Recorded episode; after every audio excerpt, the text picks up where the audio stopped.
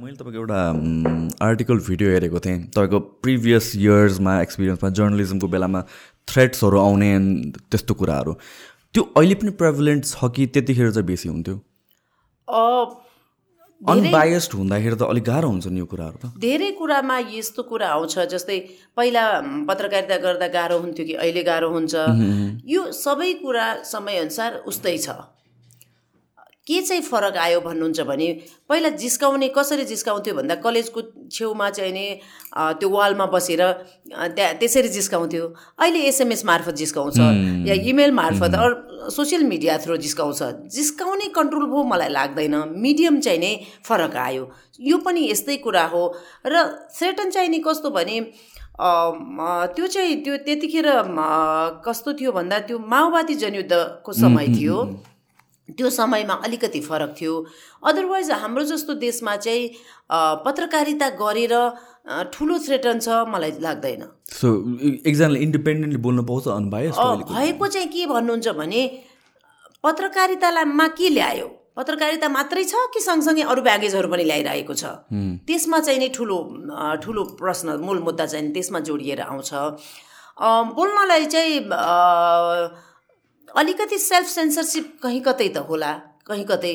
म आफूले छैन मैले मैले चाहिँ भोगेन भन्दैमा पुरै छैन म भन्न सक्दिनँ कहीँ कतै होला। तर त्यत्रो ठुलो पनि छैन कि डेमोक्रेटिक कन्ट्री भइकन जस्तै भारतमा जति ठुलो छ नि त्यति हामी कहाँ चाहिँ छैन। बोल्न चाहिँ मान्छे पाउँछ तर बोल्ने के भन्ने नै भ्यू पाउँदैन मैले देखेको त। हो त्यही त। अब अहिले जुन हिसाबले जर्नलिजम भनौँ न एउटा हिसाबले not quote and quote the exact mainstream journalism तर अब अहिले त हाँगा एकदमै धेरै आएर गयो। होइन युट्युबमा पनि आउनु थाल्यो। अनि त्यसले के भयो भने एउटा हिसाबले जसले पनि इन्फर्मेसन स्प्रेड आउट गर्न सक्यो एउटा हिसाबले त एक्सेसिबिलिटीको हिसाबले राम्रो भयो। तर त्यसको नराम्रो के भयो भने चाहिँ अनफिल्टर्ड जसले जे भने पनि राइट इन्फर्मेसन रङ इन्फर्मेसन त्यो एउटा चाहिँ भएको छ क्या जर्नलिजममा सो त्यसलाई चाहिँ तपाईँले कसरी हेर्नुहुन्छ? यो यो यो समस्या राज्यसँग छ। बोल्नेसँग समस्या देख्दैन मैले। यो त मिन्स अफ कम्युनिकेसन विकासको प्रवाहलाई तपाईँ रोक्न सक्नुहुन्न। र कसैले मैले यो देशमा मोबाइल भित्र्याएँ मैले इन्टरनेट भित्र्याएँ भन्छ भने म त्यसका दाबी मान्न पनि तयार छैन। हावाको बहावलाई तपाईँ रोक्न सक्नुहुन्न। त्यो त बगेर आउँछ नि। समस्या कहाँ छ भन्नुहुन्छ भने राज्यले यसलाई अनुगमन गर्ने मूल्याङ्कन गर्ने र कतिसम्म चाहिने गर्ने भन्ने नीति नियम बनाउनु पर्छ र त्यसको चाहिँ कार्यान्वयन पनि गर्नुपर्छ। युट्युबले आयो भने आएकोमा मलाई केही आपत्ति होइन। कति कुरा राम्रो पनि गरेको छ नि। नराम्रो मात्रै हेरेर आयो भनेर उसले गरी कस्तो कस्तो सिम्पल उदाहरण म यहाँलाई बताउँ कि अहिले चाहिँ ललितपुरमै जहाँ हामी बसेका छौँ अहिले कुरा गरिरहेका छौँ ललितपुरमा चाहिँ पानीमा हैजा देखियो भनेर पानीपुरी बेच्नेलाई बन्द गर्यो। त्यो भनेको कस्तो हो भन्नुहुन्छ भने तपाईँको हातमा घाउ आयो भने हातै काटे जस्तो हो कि। एकदमै हो। हाम्रो समस्या कहाँनिर छ त भन्दा अहिले चाहिँ नि एक्काइसौँ शताब्दी सञ्चारको युग। प्रविधिमा आएको विकास नेपालमा भित्रियो र त्यसका हाँगाबिङ्गा तपाईँकै शब्द मैले सापट्टि लिएर भन्नुपर्दा हाँगाबिङ्गा फैलिरहेका छन्। ती हाँगाबिङ्गाले कहाँ गएर कतिसम्म छुन्छ कहाँ टेक्छ त्यो के गर्छ भन्ने त राज्यले जान्नु पऱ्यो नि त। पत्रकारिताको राज्यको डेफिनेसन फरक छ। तर अहिले अब मूलधारका पत्रकारिता भनेर कोही कुर्नेवाला त छैन हेर्नु। छिटो इन्फर्मेसन कसले दिन्छ? कहाँबाट आउँछ? मान्छेहरू त्यता ध्यान दिइरहेको छ। अब गलत छ कि सही छ भनेर छुट्याउने मेकानिजम के त भन्दा दुईवटा आधार देख्छु म। एउटा लोकतान्त्रिक पद्धतिमा चाहिँ कसले गलत र सही गर्यो भनेर छुट्याउन सक्ने चेतना चाहियो हामीमा। के बेचेको छ? तपाईँले उत्पादन भइरहेको चिज खाँदाखेरि असर गर्छ कि त्यसले असर गर्दैन भनेर थाहा पाउने चेतना भएपछि तपाईँ खरिद गर्नुहुन्न नि त। मलाई यसले चाहिँ नै राम्रो गर्दैन हेल्थमा राम्रो हुँदैन म यो खान्न भनेर। त्यो स्तरको चेतना चाहियो र त्यसलाई चाहिँ नै रोक्ने एउटा चेतनाले रोक्छ। अर्को चाहिँ फेरि म दोहोऱ्याउँछु कि अभिभावक भनेको राज्य हो। राज्यले चाहिँ नि यसलाई कतिसम्म कन्ट्रोल गर्ने? अनि अनि के सोच आउँछ फेरि? कन्ट्रोलको कुरा आउँदाखेरि मुखै बन्द गर्ने कुरा आउँछ सेन्सरसिपको कुरा आयो त्यो होइन के? मैले भन्न खोजेको चाहिँ कतिसम्म भन्दा त्यो चाहिँ नि पोलिसी बनाएर यतिसम्म गएपछि यो गर्ने भन्ने पो हुनपर्छ। कन्ट्रोलतिर ध्यान दिएर अनि अनि पोलिसी बनाउने सोच राख्छ राज्य। समस्या राज्यमा देख्छु म। जसले म म चाहिँ नै युट्युब चलाउँछु भन्छ भने त्यो उसको राइट हो। संवैधानिक हक हो। उसले त्यो प्राप्त गर्न पाउनुपर्छ। तर त्यसमा आउने कन्टेन्टहरू चाहिँ नि के के छ भन्ने चाहिँ राज्यले भनिदिन पर्छ कि? समाजमा भइरहेको हाम्रो जुन सम्बन्ध छ त्यसलाई खलबल्याउने लोकतान्त्रिक विधि र चरित्रलाई नअप्नाउने या त्यस्ता केही गर्यो भने चाहिँ नि यसलाई यस्तो कारवाही हुन्छ भन्ने पोलिसी बनाए हुँदैन र। अब सुरुमै बन्द गर्ने कुरा त कसरी जायज हुन्छ र? मलाई चाहिँ यो कुरामा चाहिँ अलिकता लङ रनमा चाहिँ के भएर जाला भन्ने डर लाग्छ भने चाहिँ सेन्सरसिप के? Censorship in a sense that कुनै कुरा कुनै इन्फर्मेसन राइट हुँदा हुँदा पनि गभर्मेन्टको फेभरमा भएन भने त्यसलाई त्यसलाई सेन्सर गर्न थाल्यो भने या त्यसलाई फिल्टर गर्ने पोलिसी बनाउनु थाल्यो भने त त्यो त राइट टु इन्फर्मेसनकै कुरा आयो क्या। राइट टु इन्फर्मेसन एउटा सिटिजनको त्यो त स्न्याच गरे जस्तो भइन्छ नि त। सो पोलिसी बनाउने बाहनामा पछि गएर यो सेन्सरसिपले नै ओभरटेक गर्ला कि जस्तो पनि लाग्छ कहिले काहीँ गभर्मेन्टले टेक ओभर गर्नु खोज्छ सोच त आउला सम्भव छैन। म सम्भव देख्दैन। किन सम्भव देख्दिनँ भन्दा यसका चाहिँ नि नर्म्स र भ्यालुहरू छन् दुनियाँमा पनि। हजुर। अबको युगमा तपाईँ चाइनाकै चाइनाकै कम्युनिस्ट रुल भने पनि उसको उसको उसको पद्धति ऊ हिँडेको बाटो कस्तो छ? पुँजीवादभन्दा फरक बाटोमा ऊ हिँडेको छैन। तपाईँ नर्थ कोरिया भएर बाँच्छु भनेर सोच्नुहुन्छ मलाई त्यो लाग्दैन। त्यसो हुँदा जसले डेमोक्रेटिक नर्म्स र भ्यालुलाई महत्त्व दिन्छ पछ्याउँछ र त्यो नै हाम्रो आधार हो। त्यो मान्ने राष्ट्रको नेताले म अब यो कन्ट्रोल गर्छु र यो चाहिँ कसैको बोल्ने बुझ्न पाउने जान्न पाउने हकलाई चाहिँ म म लिन्छु र यसलाई कन्ट्रोल गरेर पोलिसी बनाउँछु भन्छ भने दिवा सपना हो। सम्भव छैन। मलाई मान्नु हो। भुलभुलैया गर्न दुई चार दिन रोक्न केही गर्न सक्ला तर लङ रनमा चाहिँ यो सम्भव छैन। यो कसैको त्यो मुख चाहिँ बन्द गरेर उसको बोल्ने आवाजलाई म बन्द गर्छु भनेर कसैले ठान्छ भने त्यो सम्भव छैन। सङ्के साङ्केतिक रूपमा भए पनि आवाज बाहिर आउँछै आउँछ मुख बन्द गरे पनि। बरु बरु जान्नेले चाहिँ के गर्न पर्यो त भन्दा समय छँदै। यो यो नभड्किँदै यो चिज बाहिर नजाँदै कि सही रुल र रेगुलेसन लिएर आएर यसलाई चाहिँ नै अगाडि बढाउने हो तर कन्ट्रोल गर्छु भन्ने सोच चाहिँ नै लोकतन्त्र र कन्ट्रोल सँगसँगै जान्छ मलाई लाग्दैन। फर इक्जाम्पल जस्तो चाइनाको मलाई चाइनाहरूको कुरा हेर्दा चाहिँ लाग्छ चाइनाको अगेन्स्टमा स्टेटको अगेन्स्टमा कसैले बोले कि कारवाही गरिदिइहाल्ने काइन्ड अफ एउटा छ नि त त्यस्तो अब अहिलेसम्म त हामी देख्दैनौँ तर हुनुहोस् भन्ने कुरा मात्र फ्युचरमा र एउटा मलाई पोजिटिभ कुरा यसो सोच्दाखेरि जर्नलिजमकै बारेमा हामीले जति नेपालमा अब यस्तो हाँगाबिङ्गा भएर नराम्रो भयो इन्फर्मेसन भने पनि इन्डियाको जुन त्यो सेन्सेसनलिजम छ त्यो लेभलमा चाहिँ हामी छैनौँ। So that is something positive about it जस्तो लाग्छ मलाई। हो ट्रु त्यो मात्रै होइन अर्को चाहिँ अझ फेरि पोजिटिभ भएर सोच्दा त जति थ्रु जर्नलिजम बाहिर कुरा आछ नि एकछिन सोचौँ त यति पनि नआउने भए हो नि। कति व्यथिति हुन्थ्यो होला यो समाजमा। व्यथिति छ अहिले व्यथिति छ। तर तर यो पत्रकारिता मार्फत यो मेन्स अफ कम्युनिकेसनका अनेक माध्यम मार्फत जति इन्फर्मेसन बाहिर आएको छ यति पनि नआउनु हो भने त झन् कति स्वेच्छाचारी हुन्थ्यो होला यो नेतृत्व? ट्रु ट्रु त्यो हिसाबले चाहिँ नै पोजिटिभली लिँदाखेरि जर्नलिजमको चाहिँ मुख बन्द गरेर सेन्सरसिप लाएर अनि लोकतन्त्र छ भनेर कोही सोध्छ भने सम्भव छैन। सो यो नेसनल इन्फर्मेसन कमिसनको बारेमा एकचोटि भनिदिनुहोस् न।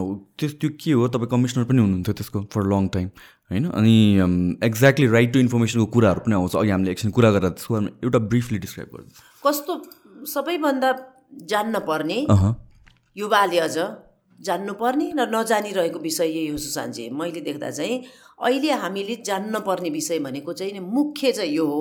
त्यसपछि अरू मात्रै यो जरा हो अनि हाँगाबिङ्गा अरू हो। संविधानको धारा सत्ताइसमा हरेक नेपाली नागरिकलाई आफ्नो बारेमा र सार्वजनिक हितका विषयमा जान्ने हक हुनेछ भनेर लेखिएको छ संवैधानिक रूपमा। त्यसले के कुराको इङ्गित गर्छ त भन्दा हामीलाई चाहिने सार्वजनिक सरोकारका विषय भनेपछि त बिहान उठेदेखि बेलुकी नसुतेसम्मको जुन हाम्रो एक्टिभिटी छ सबैमा हामी कहीँ न कहीँ सार्वजनिक रूपमा जोडिन्छौँ। त्यो जोडिने क्रममा सबै विषयमा हामीलाई जान्ने हक हुन्छ भनेर कानुनमा लेखिएको छ। करिब तिन करोड नेपालीमा केही बालबच्चा होलान् केही वृद्ध वृद्धा होलान्। त्यो बाहेकका कति नेपालीले चाहिँ यो आफ्नो हकबारे जानकारी राख्दा हुन् यसो सोचौँ त। र जानकारी राख्ने कतिले प्रश्न गर्दै हिँड्दा हुन्? जबकि कानुनले के भन्छ भन्दा यो तिमीलाई जान्ने हक हुनेछ भनेर लेखिएको छ। जस्तै तपाईँले खाने पानी पढ्ने स्कुल तपाईँ जाने कलेज या तपाईँले चाहिँ नि राज्यबाट पाउने सबै सेवा सुविधामा जान्न पाउने हक हुन्छ भनिएको छ। सामान्यतया तपाईँ हामी कुनै विवाद नभएको जग्गा पास गर्न मालपोतमा गयौँ भने कोही न कोही बिचौल्या खोजेर नागरिकले के गर्छ भन्नुहुन्छ भने दस बजे पुग्छ। नागरिक त्यहाँ समयमा समयमा काम हुन्न त्यो तपाईँलाई पनि थाहा छ मलाई पनि थाहा छ। अनि दसदेखि एघार बाह्रसम्म त्यो भौतारिन्छ यताउता। अनि बाह्र बजे बिचौलिया भेटिन्छ। त्यसले के भन्छ किन कसो भन्छ अनि जग्गा पास गर्न आएको भन्छ। पैसा अलिकति दिएपछि त्यसले चाहिँ नै के के मिलाउँछ? अनि तिन बजीसम्म काम हुन्छ। अनि तिन बजी चार बजेमा त्यो काम सकाएर फर्केको मान्छे अनि चिया दोकानमा आउँछ र के भन्छ? सगर्व भन्नुहुन्छ भने मैले चाहिँ नि पैसा खुवाएर जग्गा पास गरेँ। यो देश चाहिँ नै खत्तम भयो। त्यही होइन अभिव्यक्ति। पैसा खुवाएको किन? ठिकै छ हतार थियो। कुनै क्रिएटिभ काम गर्न त होइन रहेछ नि त। चिया दोकानमा गफ लाउनलाई रहेछ नि त होइन? त्यति गरेको। आइतबार तपाईँ काम गर्न जानुभयो हुँदैन। सोमबार काम हुँदैन। मङ्गलबार काम नगर्दी सुखै छैन मलाई विश्वास गर्नुहोस्। किन भन्दा अहिले यति धेरै तपाईँसँग चाहिने प्रविधि छ। तपाईँले भन्न सक्नुहुन्छ कि मेरो सग्लो जग्गा पास गर्न गएको। आज तिन दिन भइसक्यो। विदाउट रिजन कामै गरिदिएको छैन। लेखिदिनु न। को रहेछ फाँटमा? को थियो डेस्कमा? किन हुँदैन भन्छ। फर्स्ट डे पो थाहा हुँदैन। हामीलाई के चाहिएको छ भन्दा यति हतारोमा हामी छौँ कि हो निश्चय नै एउटा अवेर सिटिजनको रूपमा त तपाईँ हामीले भन्ने त्यही हो कि जानासाथ गरिदेऊ न त। आइतबारको काम आइतबारै गरिदेऊ न त। गर्दैन किन भन्दा त्यहाँ गलत भइरहेछ नि त। त्यो गलतलाई बढावा दिने कि त्यसलाई चाहिँ घटाउने त भन्दा हामी बढावा दिइरहेका छौँ। म भन्छु त्यो त्यो अनि बरु के के गर्न सकिन्छ भन्नुहुन्छ भने त्यहाँ गएर चाहिँ डेस्कमा ए काम हुँदैन हुँदैन। तपाईँको तपाईँको शुभ नाम तपाईँको पद तपाईँको ड्युटी के भइरहेछ? म जानकारी राख्न चाहन्छु भनेर प्रश्न गऱ्यो भने पनि अलिकति हच्किन्छ कि। हामी सुरुमै के गर्छौँ भन्दा बिचौलिया खोजेर त्यसलाई चाहिँ नि काम जिम्मा लाएर अनि चिया दोकानमा गफ दिएर बस्छौँ। हामीमा जुन स्तरको चेतना हुन पर्थ्यो त्यो छैन। र अर्को चाहिँ नि जुन संवैधानिक हकको हामीले भर्खर कुरा गऱ्यौँ कि जान्न पाउने हक छ तपाईँलाई कानुनी रूपमा कसैको दया मायाले दिएको होइन। कानुनमा उल्लेख गरेको कुरा त अलिकति त जानकारी राख्नुपर्छ नि। कति व्यथिति छ भन्नुहुन्छ भने स्कुलहरूले दस प्रतिशत चाहिँ नै विद्यार्थीलाई गरिब जेहेन्दार समावेशी अनेक शीर्षकमा छुट दिनपर्छ ओके। टोटल स्टुडेन्टको टेन पर्सेन्टलाई सामान्य नियम। गलत के गर्छन्? अब सबै स्कुलको त मैले मैले भ्रमण गरेका छैन। सबै स्कुल तर अधिकांशमा के हुँदो रहेछ भन्नुहुन्छ भने मानिलिउँ मानिलिउँ है नाम जुद्यो भने संयोग हुनेछ। गीता नाम गरेको टिचरको बच्चा रमिता बच्चा छ छोरी। अनि त्यहाँ के कुरा मिलाउँदो रहेछ स्कुलले भन्दा अब तपाईँको बच्चालाई चाहिँ यहाँ हामी यो सित्तैमा पढेको भनेर मिलाइदिन्छौँ। अनि तलबमा तपाईँलाई चाहिँ नि हामी त्यो अनुसारको कुरा गर्छौँ। पाँच हजार फी छ भने उसको बच्चालाई पच्चिस सयमा कुरा मिलाइदिने। अनि पच्चिस सयको चाहिँ यता उसलाई टिचर जब जब दिए बापत कुरा मिलाउने। हेर्नुहोस् है। अनि त्यो कसका निम्ति आएको त भन्दा त्यो गीता र रमिता आमा छोरीको निम्ति आएको सिट होइन नि त। जेहेन्दार समावेशी अनेक अघि जुन शीर्षक मैले बताएँ नि त्यो अन्तर्गत उसको छोरी त पर्दैन नि त। गरिब जेहेन्दार अनि समावेशी के के के के भन्ने जुन आधारहरू छन् त्यसमा त उसको छोरी किन पर्दैन त? त टिचरको छोरी भने त अवेर अलिकति भए पनि इन्कम भएको भयो नि अर्कोको सिट यसले लिइरहेछ। अब कसैले पनि गएर त्यहाँको चाहिँ अभिभावकले प्रश्न गर्दैन कि तपाईँले दिने दस प्रतिशत कसलाई कसलाई दिनुभएको छ?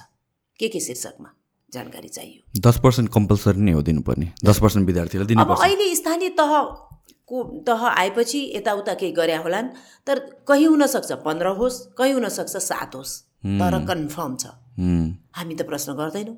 हामीलाई थाहा नै छैन हामीलाई थाहै छैन।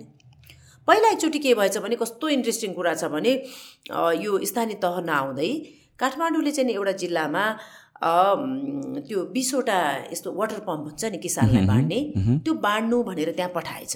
भएको घटना। अनि अनि अब हाकिम बसेछन् अनि राजनीतिक दलका चल्ता पूर्जा हुन्छ नि त्यो मान्छेहरू त्यो बेलामा त स्थानीय तह थिएन बाँडचुँड गरेछन्। अनि एउटाले चाहिँ नि त्यो त्यो वाटर पम्प लाएर पानी खेतमा लगाएको देखेपछि छिमेकीले त देख्यो। ए मालदाई कहाँबाट ल्यायो यस्तो त्यस्तो भयो त मलाई पनि सजिलो हुन्थ्यो। अर्को छिमेकीले त प्रश्न गर्छ नि त। अनि हाकिमले बाँडिरहेको रहेछन् त्यही भएर थाहा पाएँ अनि ल्याएँ भनेछ। अब हाकिमले मालदाईलाई बाँड्छ भने त मलाई पनि दिन्छ भन्ने हुन्छ नि। धुस्रै फुस्रै किसान हाकिम कहाँ पुगेछ? अनि अब कहाँबाट आयो? कस्ता हुन्छन् हाकिम? असल भए त राम्रै सोद्धा हुन् होइन भने एउटा धुस्रो फुस्रो हिलो खेतबाट आएको किसानलाई गर्ने व्यवहार कस्तो छ तपाईँ बुझ्नुहुन्छ? अनि कहाँबाट आउनुभयो के भनेछ? अनि हजुर मेरो चाहिँ नि अब छिमेकीले त्यो वाटर पम्प पाएछन्। त्यस्तो पाइन्छ भने त मलाई पनि सजिलो हुन्थ्यो भनेर हाकिम साहब भने त ठिकै हो तपाईँले भनेको अब हिजोसम्म थियो अब सक्यो बाँडिसक्यो अब सक्यो होला जानु। त्यसो भनेपछि त किसान त फर्किन्छ नि होइन। फर्किरहेको रहेछ उताबाट एउटा जेन्टलम्यान चाहिँ नि यो सूचनाको हक बुझेको मान्छे आउँदै रहेछ। अनि यता कहाँ गएर आउनुभयो भनेर सोधेछ हेर भाइ यहाँ चाहिँ नि यो वाटर पम्प बाँडेछन् हाकिमले हाम्रा छिमेकीले ल्याएछन्। मलाई पनि दिन्छन् कि भनेर गएको हिजै बाँडिसकेछन् घर फर्किन लगाएको अनि कसलाई बाँडेछन् त दाई? भनेछु अब के थाहा पाउनु हाकिमले कसलाई बाँड्छन्? त्यसरी हुँदैन आउनु सोधौँ भनेर फर्काएछन्। अनि पाँच लाइनको निवेदन टिकट टाँच्नु पर्दैन पैसा तिर्नु पर्दैन। के लेखेछन् भने श्री प्रमुख हाकिमज्यू यसै लेखे हुन्छ केही फरक पर्दैन फेरि हेर्नु निवेदनमा। मलाई अब त्यो उता वाटर पम्प पाइएन मलाई चाहिने निम्न सूचना चाहियो। एक त्यो बिसजना किसानको नाम कसले पाए? दुई को को बसेर त्यो छुट्याउनु भयो? यहाँ बस्नु त भयो होला ती बिस छान्नलाई त जिल्लाभरिमा त बिसजना मात्र किसान त हुँदैन। के को आधारमा छान्नुभयो र तिन त्यो त्यो त्यो प्रक्रिया के विधि अप्नाइयो छान्दाखेरि? भनेर तिनवटा त्यो प्रश्न लेखेर पाँच लाइनको निवेदन मलाई त्यो चाहिएको थियो। त्यसर्थ भने तिनले नै लेखिदिए। जसले सूचनाको हक बुझेका छन् अनि फेरि त्यही लिएर आएछन् हाकिम हाकिमका कागज। ए फेरि आउनुभएछ तपाईँ त? अघि मैले छैन बनाएको थिएँ किन आउनुभयो भनेर सोधेछन्। म चाहिँ नि हजुर त्यो अब त्यो त पाइनँ वाटर पम्प त पाइनँ। तर मलाई त्यो जानकारी चाहिँ चाहियो हजुर हाकिम साहब भने यसो दिएछन् हातमा। यसो पढेँ। हाकिमको त माघका दिनमा चिटचिट पसिना। यो पसिना आउने विषय हो। राम्रो गऱ्यो भने त पसिना आउने विषय होइन नि। यसो पढेछन् अनि अब तपाईँलाई साह्रै चाहिएको थियो। साह्रै त चाहिएको थियो त। अनि तपाईँलाई सूचना चाहिएको कि त्यो त्यो खासमा भाँडो चाहिँ भनेर सोधेछन्। अब चाहिएको त भाँडो चाहिँ सूचना पकाएर खानु। बिचरा किसानले के भन्नु? चाहिएको त मलाई भाँडो नै हो। अब दिनु भएन त्यही भएर पो यो सूचना मागेको त। भनेपछि ल पक्नुहोस् त एकछिन भनेर बसेर यसो के के गरेर अब हेर्नुहोस् जे भो जे भो भइगयो। अब तपाईँलाई चाहिँ नि म एउटा त्यो भाँडो किन्ने व्यवस्था मिलाउँछु त्यो लिएर जानुहोस् अब यो सूचनाको के दुःख गर्नुहुन्छ भनेर किन भन्नुहुन्छ त भन्दा दिनुपर्नेलाई त्यो दिएको छैन।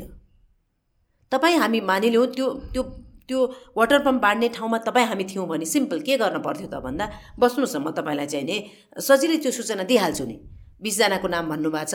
अब मैले समावेशी स्वरूपमा यहाँ जिल्लामा भएमध्ये कमजोर आर्थिक स्थिति के के हुन्छ? क्राइटेरिया राम्रो नियत राखेपछि बनाउन त के गाह्रो छ र मैले चाहिँ महिला किसानलाई पाँचजना अनि दलित जनजाति मधेसी र र पिछडा वर्गलाई चाहिँ नि पाँचजना अनि पाँचजना चाहिँ नि एकदम खेत वर्षौँदेखि रोपिरहेको मैले देखेको। या स्वयं अनेक बनाउन सक्यो नि त। अब कस्तोलाई बाँडेको छ त भन्दा खेतमा चाहिँ नि पिर्का नलिजान्छौ त धान रोप्न भन्ने ठालुलाई त्यो भाँडो बाँडेपछि त सूचना दिन त सक्दैनन् हेर्नुहोस्। सो अवेर सिटिजन भयो भने चाहिँ नि सुनर अर लेटर जवाफ दिनै पर्छ। तर यो त छैन। सो यो लिगल प्रोसेस नै हो। इफ निवेदन कसैले बुझाएछ इन्फर्मेसन मागेर भनेपछि त्यो दिनै पर्ने कुरा हो। यो लिगल प्रोसेस हो। त्यहाँ चाहिँ के प्रावधान छ भन्नुहुन्छ भने सूचना अधिकारी भनेर अधिकांश ठाउँमा तोकिएको छ। ओके तोकिएको छैन भन्ने तपाईँलाई जानकारी छ भने यो सार्वजनिक स्थलमा जानकारी छ भने तोकिएन छ त खै भन्यो भने तोक्न पर्छ। कानुनी प्रावधान। र अहिले तपाईँ सुन्नुहुन्छ कति ठाउँमा सूचना अधिकारी सूचना अधिकारी भनेको सुन्नु पनि हुन्छ। हामी त्यतिखेर आउँदाखेरि आयोगमा आउँदाखेरि करिब आठ वर्ष अगाडि दस पर्सेन्ट थियो होला सूचना अधिकारी। कतिसम्म अवस्था थियो भन्नुहुन्छ भने एकजना हाम्रै साथीभाइले यहाँ काठमाडौँमै महिला मन्त्रालयमा फोन गरेर सोधेछ सूचना अधिकारी पाउन भनेर। सूचना अधिकारी होइन उहाँ त सूचना उहाँ त के अरे अधिकारी होइन नि सूचना उहाँ त के अरे शर्मा पो हो त उहाँ त गइसक्नुभयो नि। त्यो अवस्थासम्म थियो हेर्नु। अहिले चाहिँ नि मलाई लाग्छ नाइन्टी पर्सेन्ट सूचना अधिकारीहरू तोकिएका छन्। गभर्मेन्ट इन्फ्रास्ट्रक्चर जहाँ पनि। जहाँ पनि। ओके। तिनले के गर्नुपर्छ फर्स्टमा नागरिकले लिएर गएको निवेदन लिनपर्छ। कतिसम्म लेखिएको छ त्यो ऐनमा भन्नुहुन्छ भने अघि त मैले संविधानको त्यो प्रावधानको कुरा बताएँ धारा सत्ताइसमा। त्यसलाई टेकेर राष्ट्रिय सूचना आयोगको स्थापना र ऐन बनेको छ। सो त्यो ऐनमा के भनिएको छ भन्नुहुन्छ भने स्थानीय भाषा बोल्ने। हुनसक्छ कि तपाईँ पाटनमा बस्नुहुन्छ र तपाईँलाई नेपाली भाषा बोल्न आउँदैन? तपाईँ स्थानीय पाटनको भएको हिसाबले नेवारी भाषा मात्रै तपाईँलाई बोल्न आउँछ भने तपाईँले गएर मलाई चाहिँ नि जिल्ला प्रशासनमा जिल्ला प्रशासनमा गएर मलाई चाहिँ नेपाली भाषा आउँदैन नेवारी भाषा आउँछ। मलाई निवेदन लेखिदिन पर्यो कि मैले कृषिमा चाहिँ निवेदन हाल्न पर्यो भन्यो भने त्यो लेखिदिन पर्छ। या कृषिमै गएर कृषिको चाहिँ सूचना अधिकारीलाई भेटेर म नेपाली भाषामा लेख्न सक्दिनँ के गर्ने भन्दा उसले लेखिदिन पर्छ। त्यतिसम्म प्रावधान छ। के तपाईँलाई लाग्छ कि कोही सूचना अधिकारी तपाईँको निवेदन लेख्न तयार छ? छैन नि। तर तर थाहा पाएपछि त तपाईँले भन्नुहुन्छ नि त कसरी लेख्नुहुन्न? मेरो यो यो हक हो भनेपछि त लेख्न कर लाग्छ नि। सो त्यहाँ गएर तपाईँले निवेदन दिने। निवेदन दिएपछि चाहिँ नि के के भन्न जानुभएको त्यो प्रावधान राखेर अनि अधिकतम उसले चाहिँ नि पन्ध्र दिन समय लिन पाउँछ। कानुन त। पन्ध्र पन्ध्र दिनसम्म इन्फर्मेसन बाहिर निकाल्नको लागि लिन पाउँछ। सो यो सबै यो जुन प्रोसेस राखिएको छ यो यसलाई यसलाई मोनिटर गर्ने चाहिँ कसले? म यसमा जान्छु र त्यसको जवाब दिन्छु। अनि पन्ध्र दिनमा तपाईँलाई सूचना पन्ध्र दिनको अर्थ म्याक्सिमम हो। उस्तै मान्छेले त दुई दिनमा दिए पनि हो। सबै सूचना पन्ध्र दिन ग्राफ गरिराख्न त तपाईँलाई समय लाग्दैन। हुनसक्छ कति सूचना चाहिँ तपाईँले जस्तै वन मन्त्रालयमा गएर माग्नुभयो भने वनका त सबै जिल्लामा चाहिँ नि अवयवहरू छन्।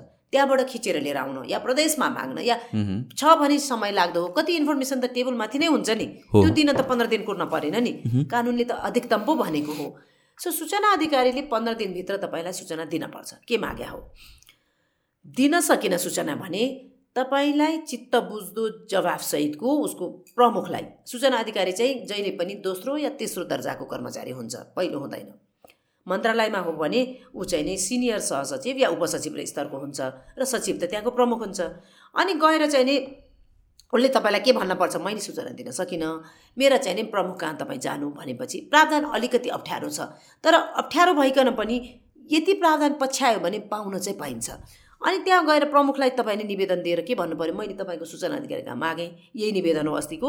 मलाई सूचना चाहियो भनेर उस कहाँ छोड्ने त्यो सात दिनपछि चाहिँ त्यो मचौड हुन्छ। ओके। कानुनी रूपमा।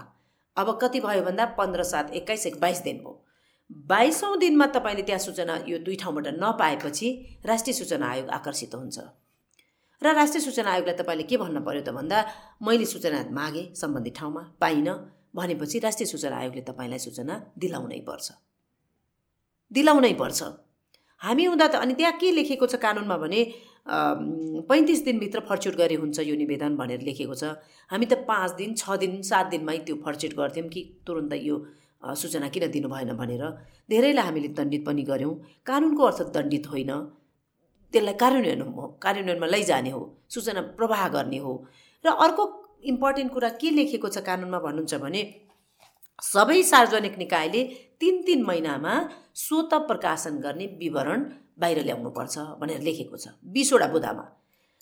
त्यसको बजेट कर्मचारी त्यसका काम गरिरहेको क्षेत्र काम गरिसकेको क्षेत्र बाँकी क्षेत्र। अरू के भइरहेछ? के प्लान छ भनेर बिस बुदामा सबै काम ल्याउनुपर्छ भनेर सूचनाको हकको कानुनमा लेखिएको छ। अब एकजना पनि सिटिजन छैन कि तिमीले यो काम कहाँ कहाँ पुऱ्यायौ? के भइरहेछ? किन थाहै छैन हेर्नु? हो। अनि ऊ ऊ ऊ नसोधे पनि गर्नुपर्ने काम गर्नुपर्छ नि त। ऊ नगरिकन बसिरहेको छ फेरि। अनि यो अनुगमन कसले गर्छ भन्ने जुन तपाईँले महत्त्वपूर्ण अर्को त्यो सवाल यहाँ जोड्नु भएको छ। यो गर्यो कि गरेन भनेर हेर्ने त आयोगले हो। तर नगरे बापत दण्डित गर्ने भन्दा त्यो प्रावधान चाहिँ छैन।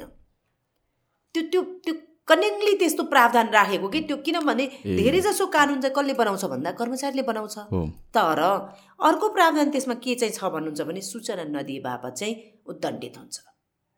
दण्डित हुनु भनेको लोकतन्त्रमा सानोतिनो कुरा होइन। पाँच हजारदेखि उसलाई चाहिँ नि पच्चिस हजार जरिवाना हुन्छ। पैसा मनिटरीमा सचिवलाई? त्यो त्यो अर्गनाइजेसन त्यो सूचना नदिने आइदर सूचना अधिकारी। अरू त्यो प्रमुख।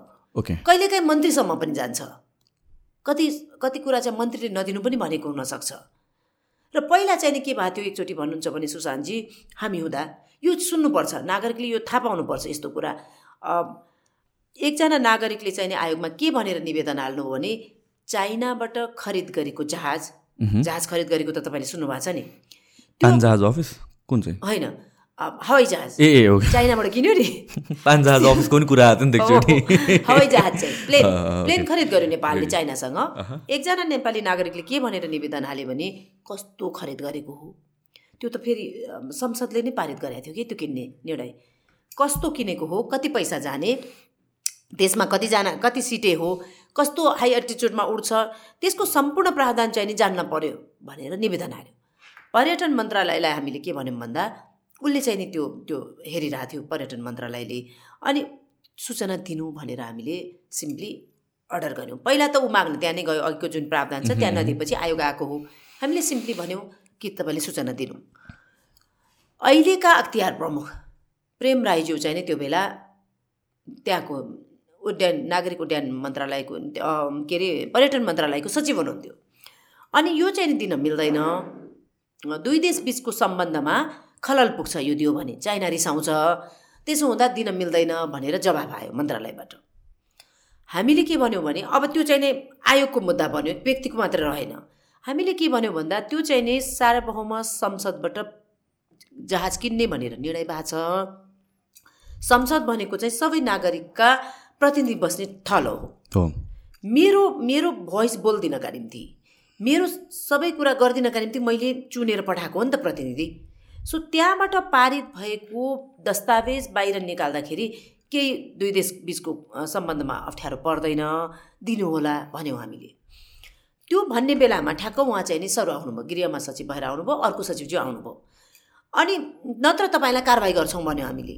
यदि त्यो कारवाहीमा पर्ने हो भने सूचना आयोगले सूचना नदिए बापत त्यो स्तरको कोही व्यक्तिलाई कारवाही गर्ने हो भने चाहिँ अहिले संवैधानिक आयोगको प्रमुख भएर उहाँहरू बस्न चाहिँ सुहाउँदैन हेर्नु। त्यो उहाँहरूलाई पनि जानकारी छ। त्यसपछि अर्को सचिवज्यू आएपछि हामीले भन्यौँ त उसो भए कारवाही गर्छौँ। कारवाही गर्छौँ भनेपछि चाहिँ नै कारवाहीको चिठी पठायौँ। चिठी पठाइसकेपछि हाम्रो हाम्रो निर्णय उप चित्त नबुझेपछि जाने दुईवटा निकाय छ। एउटा उच्च अदालत एउटा सर्वोच्च अदालत। अनि पर्यटन मन्त्रालय चाहिँ सर्वोच्च गयो त्यो पनि मन्त्रालयमा पनि आखिर व्यक्तिको त होइन नि त्यो त। मन्त्रालय भने पनि हाम्रै त हो नि। हाम्रै ट्याक्सले चल्ने हो। त्यसपछि मन्त्रालय सर्वोच्च गयो। र हामीलाई चाहिँ नि आयोगले अन्याय गर्न आँट्यो कारवाही गर्न आँट्यो। यो चाहिँ नि नगरी पाऊँ। किन भन्दा यो चाहिँ दुई देशको सम्बन्धमा खलाल पुग्छ भनेर सूचनाको हकको कानुनमा लेखिएको छ। अघि मैले भनेको थिएँ नि सार्वजनिक सरोकारका चार पाँचवटा विषय बाहेक सबै सूचना दिनपर्छ ती तत्काल दिन पर्दैन भनेर लेखिएको छ भनेर। त्यो टेकेर गयो मन्त्रालय सर्वोच्च अदालत। सर्वोच्चले के भनेर फैसला गर्यो भन्नुहुन्छ भने सम्मानित सर्वोच्च अदालतको त सबैले मान्नै पर्यो फैसला। के भनेर फैसला गर्यो त भन्दा राष्ट्रिय सूचना आयोगको कानुन चाहिँ सबैभन्दा पछिल्लो समय आएको कानुन हो। कानुन चाहिँ जुन पछिल्लो आयो त्यो आकर्षित हुन्छ र कार्यान्वयनमा जान्छ। त्यसो हुँदा सूचना दिनु। सार्वभौम संसदले पारित गरेको विषयमा सूचना दिँदाखेरि दुई देशबिचको सम्बन्धमा खलल पुग्दैन। त्यो लामो छ सत्र अठार पेजको हामीले जिकिर गरेका छौँ। त्यो नै आछ जवाफमा पनि लामो आछ त्यो मैले खालि तपाईँलाई सिनोनिस बताइरहेको छु। अनि सर्वोच्चले भने दिनु सर्वोच्चले दिनु भनेपछि त नदिने कुरै भएन। पर्यटन मन्त्रालयले त सचिव त कारवाहीमा पर्छन्। सूचना बाहिर आयो। आजसम्म यो कारणले दुई देशबिचको सम्बन्ध अरू के के तिनका कारणले के के सम्बन्ध बिग्रिन्छ हामी जान्दैनौँ। तर यो कारणले सम्बन्ध बिग्रियो भन्ने त सुनिएको छैन। अलिकति सिटिजन चाहिँ नि अवेर भयो भने यस्तो यस्तो कुरा हुन्छ हेर्नु। सिटिजन अवेर नभइदिएपछि चाहिँ यिनले सधैँभरि हामीलाई के गर्ने त भन्दा यो दिन हुँदैन त्यो दिन हुँदैन यो त हाम्रो ट्याक्सले चलेको निकाय हो भन्न सक्न पऱ्यो कि सुशान्तजी हामी कहीँ पनि गएर? कस्तो हुन्छ हामीलाई? तपाईँ त्यहाँ गयो भने वासरुम राम्रोसँग युज गर्न पाउनुहुन्न। तपाईँले त्यहाँ पानी खान्छु भन्यो भने कुनै सार्वजनिक ठाउँमा तपाईँलाई राम्रोसँग राम्रो रेस्पोन्स गरेर कसैले पानी दिन्छ? त्यो कसले किनेको पानी हो? तपाईँ हाम्रो ट्याक्सको पैसाले किनेको होइन। यो यो सार्वजनिक ठाउँमा बस्ने पदाधिकारीलाई कहिल्यै पनि महसुस भएन कि म जनताको राष्ट्र सेवक हो भने पनि आखिर त्यो त नोकर हो नि। नोकर शब्द राम्रो सुनिँदैन तर सर सिभिल सर्भेन्ट भनेको त्यही होइन ट्रान्जेक्सन गर्दाखेरि। सो सर्भेन्टले के गर्छ भन्दा मालिकको सेवा गर्छ होइन? मालिक को हो भन्दा जनता हो। हाम्रो देशमा कस्तो छ त भन्दा मालिक चाहिँ सेवक जस्तो सेवक चाहिँ मालिक जस्तो होइन? सो यसलाई कसरी कमी गर्ने त भन्ने तपाईँलाई लाग्छ भने मुख्य हामीले हाम्रा नीति नियम कानुनहरू थाहा पाउनु पर्यो। कहाँ के कानुन छ? के प्रावधान छ? के हाम्रो बारेमा आएको चिज अर्कोले त लिइरहेको छैन? हाम्रो हक अधिकार अर्कोले त खाइरहेको छैन। भन्ने प्रश्न गर्न सक्ने चेतना नआएसम्म चाहिँ जति ठुलो डेमोक्रेसी आए पनि देशको हालत चाहिँ हाम्रै जस्तो हुने रहेछ सुशान्तजी। जहाँ व्यथिति कुशासन तिन करोडलाई चाहिँ नि करिब टेन पर्सेन्टले रुल गर्ने र हामीले त्यसको शास्ति भोगिरहन पर्ने। तपाईँलाई त्यस्तो लाग्दैन? एकदम एकदम। यो त्यतिखेर इन्फर्मेसन लुकाउनुको कारण के थियो स्पेसिफिक? एउटा चाहिँ नि यसको बडो कस्तो भन्नुहुन्छ भने सात दिनसम्म त्यो उसले के अरे त्यो पुराण भन्ने पुराण वाचक हुन्छ नि त्यो सात दिनसम्म भन्छ नि बसेर पुराण बिहानदेखिको। हो त्यसरी भने पनि यो सकिँदैन यो सूचनाको हक त्यस्तो छ। सरल रूपमा भन्दा दुई लाइन अघि मैले भने कि सबै नेपालीलाई पाउने हक भन्ने तर भित्र छिर्यो भने सात दिनसम्म त्यो पुराण भने जस्तो भनेर पनि सकिँदैन हेर्नु। त्यसको कारण चाहिँ नि के छ त भन्दा हाम्रो रुट कजमा आउनुपर्छ। हामी कसरी हुर्केको भन्दा नदिनु नभन्नुबाट गाइडेन्स एउटा नेपाली सानो बच्चा नागरिकलाई चाहिँ नि घरमा यो भन्नु त्यो भन्नु यो गर्नुपर्छ भनेर हुर्काइएको हुँदैन रहेछ। नभन्नुबाट हुर्काएको। त्यो नभन्नुबाट हुर्केको मान्छे चाहिँ नि लोकसेवाको जाँच पास गर्छ। अनि त्यसको दिमागमा आधार नभन्नु भनेर हुर्केकै थियो आउँछ। अनि त्यो आइसकेपछि त्यहाँ चाहिँ नि लोकसेवा पास गर्छ। अनि पास गरेपछि के भनेर त्यसलाई शपथ गराइँदो रहेछ भन्दा म यो देशको नियम कानुन संविधान मान्छु र म यो गोपनीयताको शपथ खान्छु भन्ने लाइन हुँदो रहेछ। अस्ति आधा त्यसलाई बच्चामै नभन्नु भनेकै थियो। अब फेरि आधा त्यसलाई चाहिँ नि त्यो कानुन। नभन् बनेको छ फेरि हेर्नुहोस्। अब पछिल्लो त्यो शपथ खुवाइसकेपछि कति कानुनी प्रावधानहरू आए? यो चाहिँ नि सूचनाको हकले सब भन्नु भन्छ। त्यसको दिमागमा त्यही बस्दो रहेछ। र थर्ड वान चाहिँ नि के देख्यो मनोविज्ञान भने बोल्नुभन्दा नबोल्नु जाति दिनुभन्दा नदिनु जाति। त्योबाट गाइडेन्स के? सबै गलत छन् म त्यो पनि भन्दिनँ हेर्नु। राम्रो काम गर्ने राष्ट्र सेवकहरू पनि छन्। अर्कोले गरेको गलत ठुलो ठुलो हेरेर बस्छ तर बोल्दैन। सूचना आयोग चाहिँ कसको अन्डरमा छ? कसले चलाउँछ? यो चाहिँ सूचना आयोग चाहिँ कस्तो हो भन्नुहुन्छ भने यो खर्च पर्छ राज्यले दिन्छ। तर त्यहाँ बस्ने पदाधिकारीहरू आफ्नो निर्णय गर्न स्वतन्त्र छन्। सो इन्फ्लु पोलिटिकल इन्फ्लुएन्स हुने भएन त्यसमा? अब पोलिटिकल इन्फ्लुएन्स हुने नहुने चाहिँ कस्तो हुन्छ भन्दा पोलिटिकल एपोइन्टमेन्ट हो। जस्तै जस्तै अहिले अहिले चाहिँ नि अख्तियारमा भएका पनि त पोलिटिकल एपोइन्टमेन्ट हो। निर्वाचन आयोगमा भएका पदाधिकारी पोलिटिकल एपोइन्टमेन्ट हो। मानवाधिकार आयोगमा भएको पोलिटिकल एपोइन्टमेन्ट हो। त्यसै गरिकन राजनीतिक दलले नै पठाउने हो हेर्नु पठाउन चाहिँ। तर के ज्ञान हुन पर्यो त्यहाँ जाने मान्छेले? एटलिस्ट मैले जे गर्यो म त्यो बताउन सक्छु कि मलाई कसैले सिफारिस गरेकै हो? पठाउनेलाई हाल हार्दिक धन्यवाद पनि म भन्छु। तर त्यहाँ गइसकेपछि चाहिँ म पठाउनेको मान्छे रहिनँ कि सुशान्तजी? म त नेपाली नागरिकको पो मान्छे भएँ त। जसको ट्याक्सको पैसा म त्यहाँ ब बसेर तलब बापत सेवा सुविधा लिन्छु नागरिकको ट्याक्सको। अनि पठाउनेको मात्रै मान्छे हुन्छु म। हाम्रो देशमा अहिले बिग्रिएको त्यही हो। मन्त्री पार्टीको हुनसक्छ। कुनै पार्टीको हुन्छ नि त मल्टी पार्टी डेमोक्रेसीमा त। पार्टीको हुन्छ। तर मन्त्री भइसकेपछि त नेपाली नागरिकको पो मन्त्री हुन्छ पार्टीको नै मन्त्री हुन्छ। सोच्नुहोस् त तर भइरहेको के छ त भन्दा पार्टीको मन्त्री छ। कार्यकर्ता आयो भने त्यसको नजिक हुने अर्को मान्छे आयो भने त नजिक नहुने। हामी कहाँ डेमोक्रेटिक नर्म्स र भ्यालु फस्टाएर नजानुमा यो सबैभन्दा ठुलो रिजन हो। कम्तीमा हाम्रो पालामा हामीलाई पठाएको मैले फेरि स्वीकार्छु पब्लिकली यो त यो त घाम जत्तिकै छर्लङ्ग छ। मलाई पठाएकै हो। तर पठाए बापत धन्यवाद दिइरहेर सधैँ म फेरि त्यसकै प्रति अनुग्रहित भएर चाहिँ रहिनँ। को प्रति अनुग्रहित भएँ त भन्दा नेपाली नागरिकप्रति जसको ट्याक्सको पैसा लिएर म त्यहाँ गएको छु त्यो चाहिँ नै नागरिकप्रति म वफादार हुने निकाय हो। र राष्ट्रिय सूचना आयोग पनि त्यो नै हो।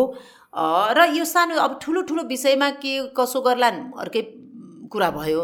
तर यी यस्ता जुन हामी तपाईँ हामीले धारा पानी बिजुली शिक्षा जुन छ नि बेसिक हामीले चाहिँ जानुपर्ने कृषि या यस्तो विषयमा चाहिँ त्यहाँ सूचना माग्न जाँदाखेरि नाइनास्ती गरेर जसले जसको पठाए पनि त्यो गर्छन् मलाई लाग्दैन। मूलत के भयो भन्नुहुन्छ भने नागरिकमै यो किसिमको चेतना आएन कि हामीले सोध्न पाउने हक छ। कतिसम्म हक छ भन्नुहुन्छ भने कि अहिले राजनीतिक दलहरूले स्थानीय तहको चुनाव सघाए। अस्ति नै बालेनजीले चाहिँ नि आफूले काठमाडौँका मेयरले के भने भन्दा मैले गरेको खर्च यति हो मेरो यति आयो। अरू कसैले भनेको तपाईँले सुन्नुभयो? अब नागरिकलाई के हक छ त भन्दा निर्वाचन आयोगमा गएर कसले कति कति खर्च गरेछन् कुन कुन शीर्षकमा मलाई त्यो चाहिँ नि चाहियो भनेर निवेदन हाल्न पाइन्छ। ओके। कोही तयारै छैन कोही प्रश्नै गर्दैन। अनि तिनलाई पनि हाइसन्चो होला प्रश्न नगरेपछि त किन भन्दा कसै न कसैले पठाएको मान्छे छ हेर्नु त्यहाँ पनि। फेरि दोहोऱ्याइ तेह्राइ भन्न सक्छु म स्वयं त्यही पठाएकै पद खाएर आएको मान्छे हो। अब अरू चाहिँ नि कार्य सम्पादन राम्रो गर्दैन। म अरूलाई केही भन्न पनि सक्दिनँ। तर प्रश्न गर्नेले गरिदिएदेखि तिनको सक्कली अनुहार देख्न पाइन्थ्यो चाहिँ म भन्छु। प्रश्न गर्न कोही तयारै छैन। अस्ति भर्खर नुवाकोटको एउटा गाउँमा भित्र दुप्चेश्वर महादेव भन्ने एउटा मन्दिर छ। त्यहाँ काममा आफ्नो अफिसियल काममा विदुर जानु थियो त्यसको सदरमुकाम अनि त्यही बेलामा अलिकति हेरिहालौँ न भनेर गएको बेलुकी बास बसेको ठाउँमा चाहिँ मान्छेहरू एक झुन्ड बसेका थिए। अनि यता हामी यता कुरा सुनेर उनीहरूको कुरा सुनेर नसुने चाहिँ गरेर बसेको। के भन्छन् भन्नुहुन्छ भने त्यो प्रतिनिधिमूलक भएर सुनाउन खोजेको मैले। अब त्यहाँको चाहिँ नि वडा अध्यक्षले चाहिँ चुनाव जित्नलाई चालिस लाख खर्च गर्यो रे। गाउँपालिकाको अध्यक्षले त दुईदेखि तिन करोड पो खर्च गर्यो। भनेर कुरा त्यहाँ सुनाइरहेको थिएँ हेर्नु। त्यति खर्च गरेको त्यो उठाउन अब के के गर्नुपर्छ त। बाको सम्पत्ति बेचेर लिएर आएर त कसैले खर्च गरेको होइन होला। हामी कहाँ हिँड्दैछौँ? त्यसरी जितेर आएको मान्छेले जनताको हित गर्छ कि आफ्नो हित गर्छ? यसको समाधान के त भन्नुहुन्छ भने मतदाताले चिन्न सक्न पर्यो कि को किन आइरहेछ? चुनाव जित्न किन खोज्दैछ? यो खर्च किन गर्दैछ? मलाई एक छाक खुवाएको भरमा मसँग मत किन माग्दैछ? यो यो यो सूचना भनेको त विहङ्गम रूप हो त सुशान्तजी। यो त जहाँ पनि जान्न पाउनु पर्यो के सोच्न पर्यो भन्दा मसँग किन यसले मत मागिरहेको छ? साँच्चीकै देश हित गर्न हो कि आफ्नो हित गर्न हो? त्यति छुट्याउने मतदाता चाहिँदैन। हामी कहाँ छौँ। हाम्रो यो अर्गनाइजेसनहरूले जुन इन्फर्मेसन माग्न मिल्छ भनेर भन्नुभयो नि त्यो माग्नभन्दा अगाडि नै पब्लिस गर्ने केही त्यस्तो व्यवस्था छ कि छैन? एउटा व्यवस्था चाहिँ नि तिन तिन महिनामा स्वत प्रकाशन गर्ने विवरण जुन मैले भने त्यो गर्नुपर्छ। त्यो चाहिँ कम्पलसरी नै सबैले गर्छ। गर्नुपर्छ। ओके। सबले गर्छ म भन्न सक्दिनँ तर गर्नुपर्छ। हामी हुँदा चाहिँ नि धेरैले गरेको थियो। जस्तै अनि हामीले के भन्यौँ भन्दा त्यो सुरु सुरुमा नबुझेर पनि हो उनीहरू पनि नबुझेको अवस्थामा हामीले के गर्यौँ भन्दा सतहत्तरै जिल्लामा हामी एक सरो रिच गऱ्यौँ अनि सिडिओलाई चाहिँ हामीले किनभने आयोग चाहिँ फेरि काठमाडौँमा मात्रै केन्द्रित हेर्नु। अहिले हामी स्थानीय तहमा गयौँ सङ्घीयतामा गयौँ प्रदेशमा गयौँ केमा गयौँ तर अधिकार दिन त कहाँ तयार छौँ र हामी फेरि? अनि आयोग त यहाँ मात्रै छ। अरू आयोगको केही केही शाखाहरू खोलेर बरु काम गरेका होलान् तर राष्ट्रिय सूचना आयोगको केन्द्रीय कार्यालय काठमाडौँमा मात्रै छ। बागमती प्रदेशले चाहिँ अलिकति कानुन बनाउन खोजेको थियो त्यो पनि सूचना दिने होइन कि कटेल गर्ने हिसाबले त्यसमा विवाद छ। सो हामीले के भन्यौँ भन्नुहुन्छ भने सिडिओहरूलाई लेखेर तपाईँ चाहिँ नि सूचना दिने प्रावधान बनाउनुहोस् आफू पनि दिनुहोस्। अनि उनीहरूलाई राखेर इन्टरेक्सन गऱ्यौँ। अनि उनले के भन्थे लास्टमा इन्टरेक्सन सकिएपछि भन्दा ओहो यो त मैले गरेको कामको सित्तैमा विज्ञापन गर्न पाउने टुल पनि रहेछ। सबैले त भ्रष्टाचार गरेका छैन नि यो। देशमा। असी हजार बढी कर्मचारी छ असी हजारले खायो। मलाई लाग्दैन। पाँच सात हजार होला। बाँकीले काम गरेका छ कि? त्यो काम गरेको दिन पनि जान्दैनन्। अनि उनीहरूलाई हामीले भन्यौँ कि तपाईँ काम गर्दै टेबल मुनि किन राख्नुहुन्छ? काम गरेको चिज त बाहिर ल्याइदिनु नि। मैले यो गरेँ भन्नु। जनता पनि खुसी हुन्छन्। अहिले तिनको इमेज के छ? एउटा चाहिँ नि राष्ट्र सेवक बाटोमा हिँड्दाखेरि मान्छेले हेर बिचरा यस्तो गर्मीमा पनि काम गर्न हिँडेको। हेर हावा पानी नभनिकन हिँडेको छ भन्छ कि लुडाकै छ हिँड्छ नि भन्छ। हो नि। दोस्रो भन्छ। इमेज नै त्यही भइसक्यो। इमेजै त्यो भइसक्यो। आफ्नो इमेज सङ्ल्याउनका निम्ति पनि काम तपाईँ गरेको देखा देखाउनुहोस् न दिनुहोस् न। भनेपछि ए दिन पर्ने रहेछ। भने त्यो किसिमको रियलाइजेसन पनि भएको थियो। तर अब कोही लिन जान तयारै छैन। यो पब्लिस चाहिँ कता हुन्छ नि? उनीहरूले चाहिँ नि त्यो सूचना अधिकारी मार्फत प्रवाह गर्छ। अनि वेबसाइटमा अनिवार्य राख्नुपर्छ हो सूचना। मैले त्यही भन्न खोजेको। सेन्ट्रलाइज कुनै वेबसाइट छैन? गभर्मेन्टको जहाँबाट चाहिँ like category wise different different अर्गनाइजेसनहरू एउटा वेबसाइट त्यसको अन्डरमा डिफ्रेन्ट अर्गनाइजेसन सबै इन्फर्मेसन एउटै ठाउँमा सेन्ट्रली कलेक्ट हुने कति कति मानिलिउँ तपाईँ त्यहीभित्र काम गरेर आए चाहिँ प्रश्न गर्दै हुनुहुन्छ जब कि आज पहिलोचोटि होला तपाईँले पनि यो विषयमा डिस्कसन चलाइरहेको। यति तपाईँले गर्ने प्रश्न जति गरिदिए पनि कति राम्रो कुरा गर्नुभयो। हामीले यही ठ्याक्क के भनेको थियौँ भन्दा सबैवटा मन्त्रालयको चाहिँ नि खिचेर प्रधानमन्त्री कार्यालयले इन्फर्मेसन लिनु फर्स्टमा। अनि त्यो आएको इन्फर्मेसन चाहिँ आयोगसँग सम्बन्ध विस्तार गरेर अहिले त घर घर ढोका ढोका त जानु पर्दैन। हावाले गरिदिन्छ त्यो काम त। अनि राष्ट्रिय सूचना आयोगको चाहिँ नि वेबसाइटमा त्यसलाई लिङ्क गरिदिनु। हो एक्ज्याक्टली अनि राष्ट्रिय सूचना आयोगले बनाएको घरमा ढोका ढोका बनाएर एउटा एउटामा चाहिँ कोठा कोठा बनाएर मन्त्रालय वाज राखिदिनु। एउटै ठाउँमा सेन्ट्रलाइज खोज्न पनि सजिलो भयो। त्यति भन्दा पनि। त्यो त्यो गर्नलाई कानुनमा फेरि के छ भन्दा मुख्य सचिव जो छन् मुख्य सचिवले चाहिँ नि सबै आफ्नो मन्त्रालय मातासँग कोअर्डिनेसन गरेर त्यो काम गर्नपर्छ दस दस वर्षमा सूचना चाहिँ नि वर्गीकरण गर्नपर्छ कुन सूचना दिँदा के भयो त्यसको प्रभाव कहाँ पुग्यो कसो भयो के भयो अधिकतम तिस वर्षसम्म सूचना राख्न पाइन्छ। तिस पच्चिस बिस पन्ध्र दस पाँच गरेर त्यसलाई क्याटेगोराइज गर्न पर्छ र क्रमशः चाहिने बा अघि जुन चारवटा भन्यौँ नि हामीले त्यो सूचना पनि अधिकतम तिसभन्दा राख्न पाइँदैन भनेको छ। मिलिटरी स्पेन्डिङहरू स्टेट सिक्रेटहरू भनौँ न त्यो बाहेक। त्यो बाहेक कानुनमा त्यसो भनेको छ। अब त्यो किसिमको कार्यान्वयन भएकै सो त्यो गर्ने भनेर कुरा निस्केको थियो त्यसरी गर्ने भनेर? कानुनमा लेखिएको छ। ए। कानुनमा लेखिएको छ मुख्य सचिवको अध्यक्षतामा कमिटी बस्छ र तिनले त्यो काम गर्नपर्छ योभन्दा अगाडिका मुख्य सचिवले काम गरेनन्। यी अहिले बहालवाला मुख्य सचिवले चाहिँ त्यसको कमिटी गठनसम्म गरे भन्ने सुन्नमा आएको छ। मुख्य सचिव भनेको के को? मुख्य सचिव आयोगको। होइन मुख्य सचिव चाहिँ को त भन्दा अहिले यो सबै निजामती सेवाको सबैभन्दा उपल्लो पद भनेको चाहिँ नि मुख्य सचिव जस्तै मन्त्रालयको सचिव छ। त्यो सचिवसम्मलाई गभर्न गर्ने चाहिँ मुख्य सचिव हो। क्याबिनेटमा बस्दाखेरि अनबिहाल्फ अफ यता मन्त्रालयको मान्छे चाहिँ मुख्य सचिव बस्छ। होइन तर त्यो सबै मुख्य सचिव त सबै अर्गनाइजेसनको छुट्टा छुट्टै होला नि त एउटा एउटा। ए, सबैको एउटा हुन्छ। अहिले निजामती। सेवाको एउटा मुख्य सचिव हुन्छ जसको अन्डरमा पुलिस सेना हाम्रो चाहिँ नि त्यो अर्को चाहिँ बरफ बाग छ नि जो हाम्रो इन्टेलिजेन्स त्यो र सम्पूर्ण मन्त्रालयहरू। त्यसको एउटा हो मान्छे त्यो मुख्य सचिव हो। सो उसले चाहिँ यो चाहिँ वेबसाइटमा बनाउनु पर्ने अनि कनेक्ट गराइदिनु पर्ने थियो। मुख्य मुख्य प्रधानमन्त्री कार्यालयमा चाहिँ एउटा युनिटै हुन्छ। त्यहाँको एउटा सचिव। त्यहाँ चाहिँ धेरैवटा सचिव हुन्छन् प्रधानमन्त्री कार्यालयमा नेपाल सरकारको सचिव। त्यो मध्येको एउटा सचिवले चाहिँ यो सूचनाको हकको कानुन कार्यान्वयन गर्नले लिड गरेको हुन्छ। र ऊ मार्फत यो उनले गर्नुपर्छ। यो तिनको प्रायोरिटीमै छैन सुशान्त चाहिँ फ्रेङ्कली स्पिकिङ यो नथिङ टु हाइड मलाई केही ऊ नै छैन। त्यो प्रायोरिटीमै छैन किन भन्दा जनता सचेत पनि छैन प्रश्न कसैले गरिदिँदैन पनि। नेतृत्वलाई त यो सूचना दिनु नै छैन। भरिसके सूचना लुकाउनु नै छ। त्यो हिसाबले चाहिँ नै अलिकति त्यो राम्रो खालको जनहित चाहने कर्मचारी भइदिए पनि हुन्थ्यो। सधैँभरि कर्मचारीले के गर्यो त भन्दा नेतृत्वले चाहिँ नि जे भन्छ यस यस त्यो त हामीले महसुस गरेका छौँ नि त। कति कुरा बाहिर आएको छ यो सचिवले हुँदैन भन्या भए हुन्थ्यो हामीले सुनेका छौँ नि त। ऊ तिस वर्षदेखि चाहिँ खाइ खेलेको गरेको सेक्टर र हिजो पाँच वर्ष अगाडि दुई वर्ष अगाडि एक वर्ष पाँच महिना अगाडि आएको मन्त्रीले भन्दा त उसले बुझेको छ नि त कुन हुन्छ कुन हुँदैन। किन हुन्छ भनेको? किन गरिदिएको? अनि उनलाई के डर त? लोकसेवा पास गरेको छ उसको जागिर जाँदैन हेर्नु। जे गरे नि जागिर जाँदैन। खालि के हुन्छ भन्दा सरुवा हुन्छ। त्यत्तिको डरले। जनहित गर्न डराएको? सरुवा भयो के भयो त? जागिर गएको त होइन। त्यो जनताको ट्याक्सको सेवा सुविधा खाएको मान्छेले त्यति पनि कन्ट्रिब्युसन गर्न पर्दैन सुशान्तजी। मलाई सरुवा गरे गर्छ भनेर। तपाईँ यसै सोच्नुहोस् न यस्तो कुरा त तपाईँले चाहिँ नि सबै युवालाई सुनाउनु जरुरी छ कि गृह मन्त्रालयमा गृहको सचिव हुन चाहिँ हानथाप गर्ने तर अर्को चाहिँ नि पशुपन्छी मन्त्रालयको सचिव हुन चाहिँ किन नचाहने खान गएको कि काम गर्न। What is the reason behind काम गर्ने मान्छेले त हानाथाप गर्नुपर्ने हो। भन्सारको महानिर्देशक हुन चाहिँ हानाथाप गर्ने अनि अर्को जनहित गर्ने त्यो कृषिको हुन चाहिँ किन हानाथाप नगरेको? साइड साइड इन्कम छ अफकोर्स होइन? त्यही त हो नि। अनि अनि पोलिटिसियन पनि गृहमन्त्री हुन चाहिँ मरिहत्ते गर्ने महिला मन्त्री हुन चाहिँ जान नखोज्ने किन?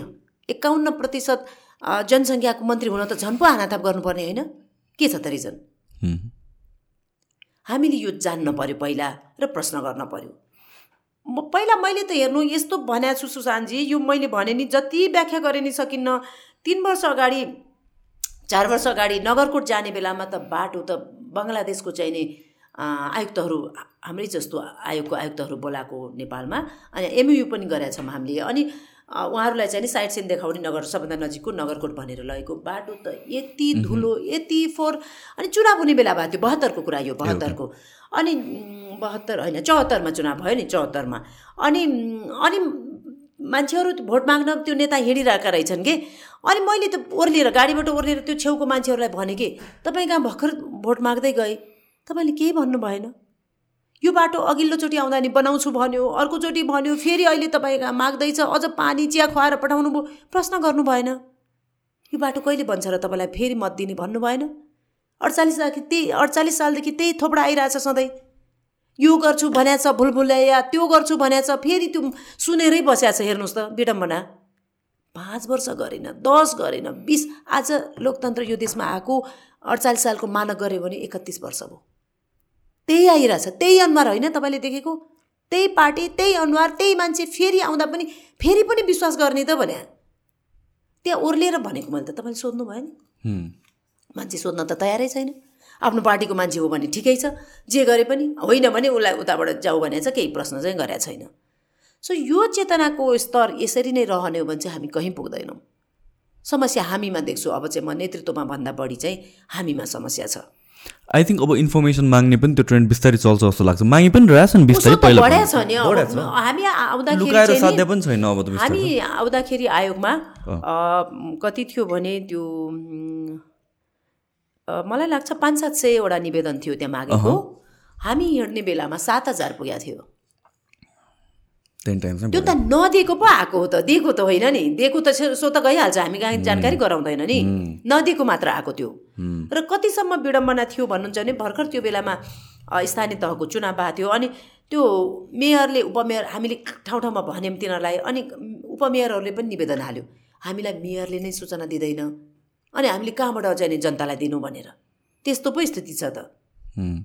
उनीहरू आफू आफूमा पनि सूचना भइसकि लुकाउँछ प्रधानमन्त्रीले सबै मन्त्रीलाई दिने होइन मन्त्रीले सबै सचिवलाई दिने होइन त्यो त्यो चेन पनि तोड्नु जरुरी छ कि खासमा?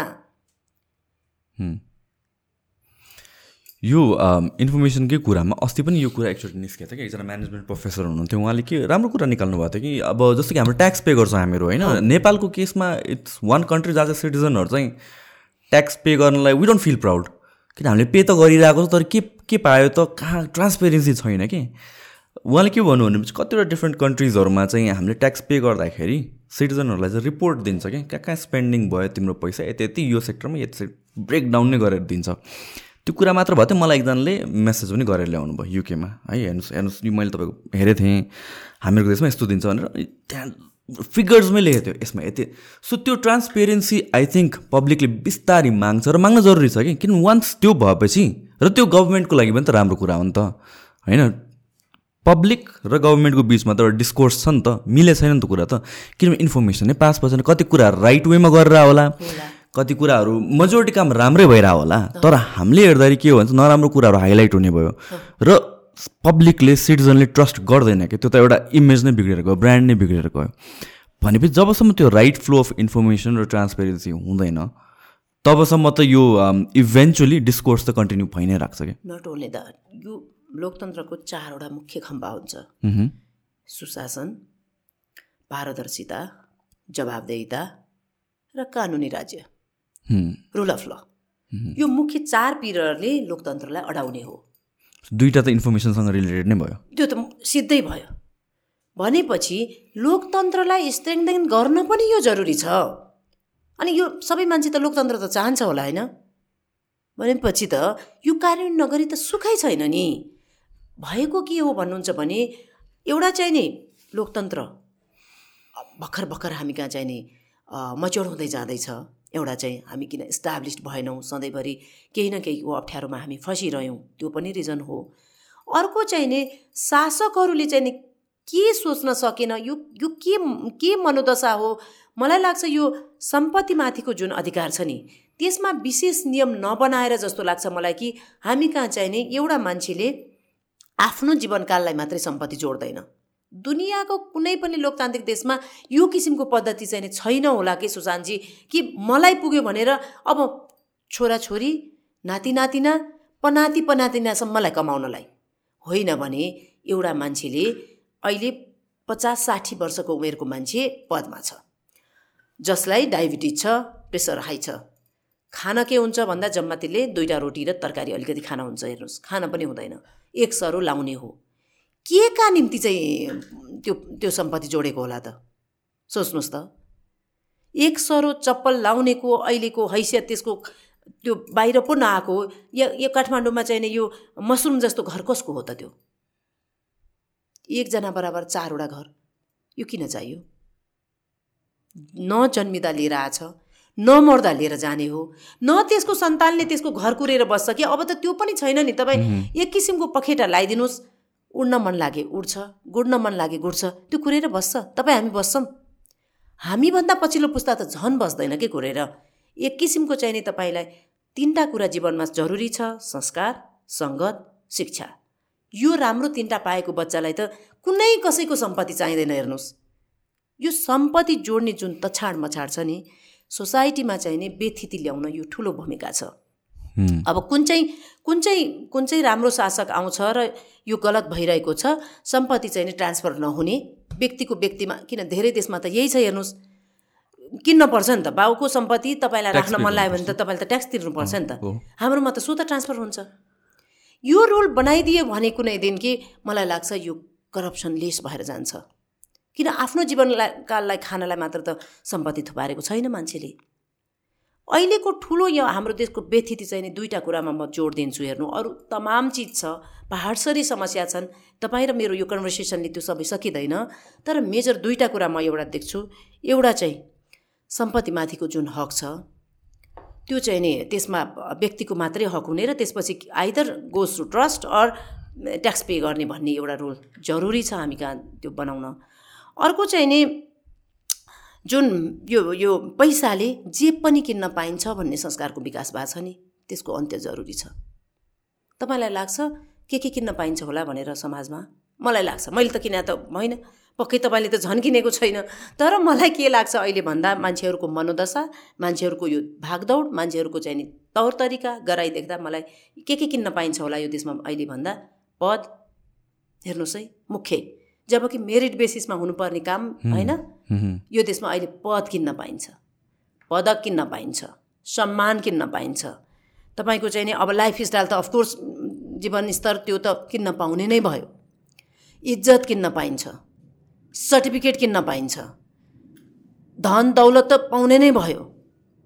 पैसाले सबै थोक किन्न पाइन्छ भन्ने मानक कसले बसायो त? पैसाले त सर्टेन चिज मात्रै पाउनुपर्ने होइन।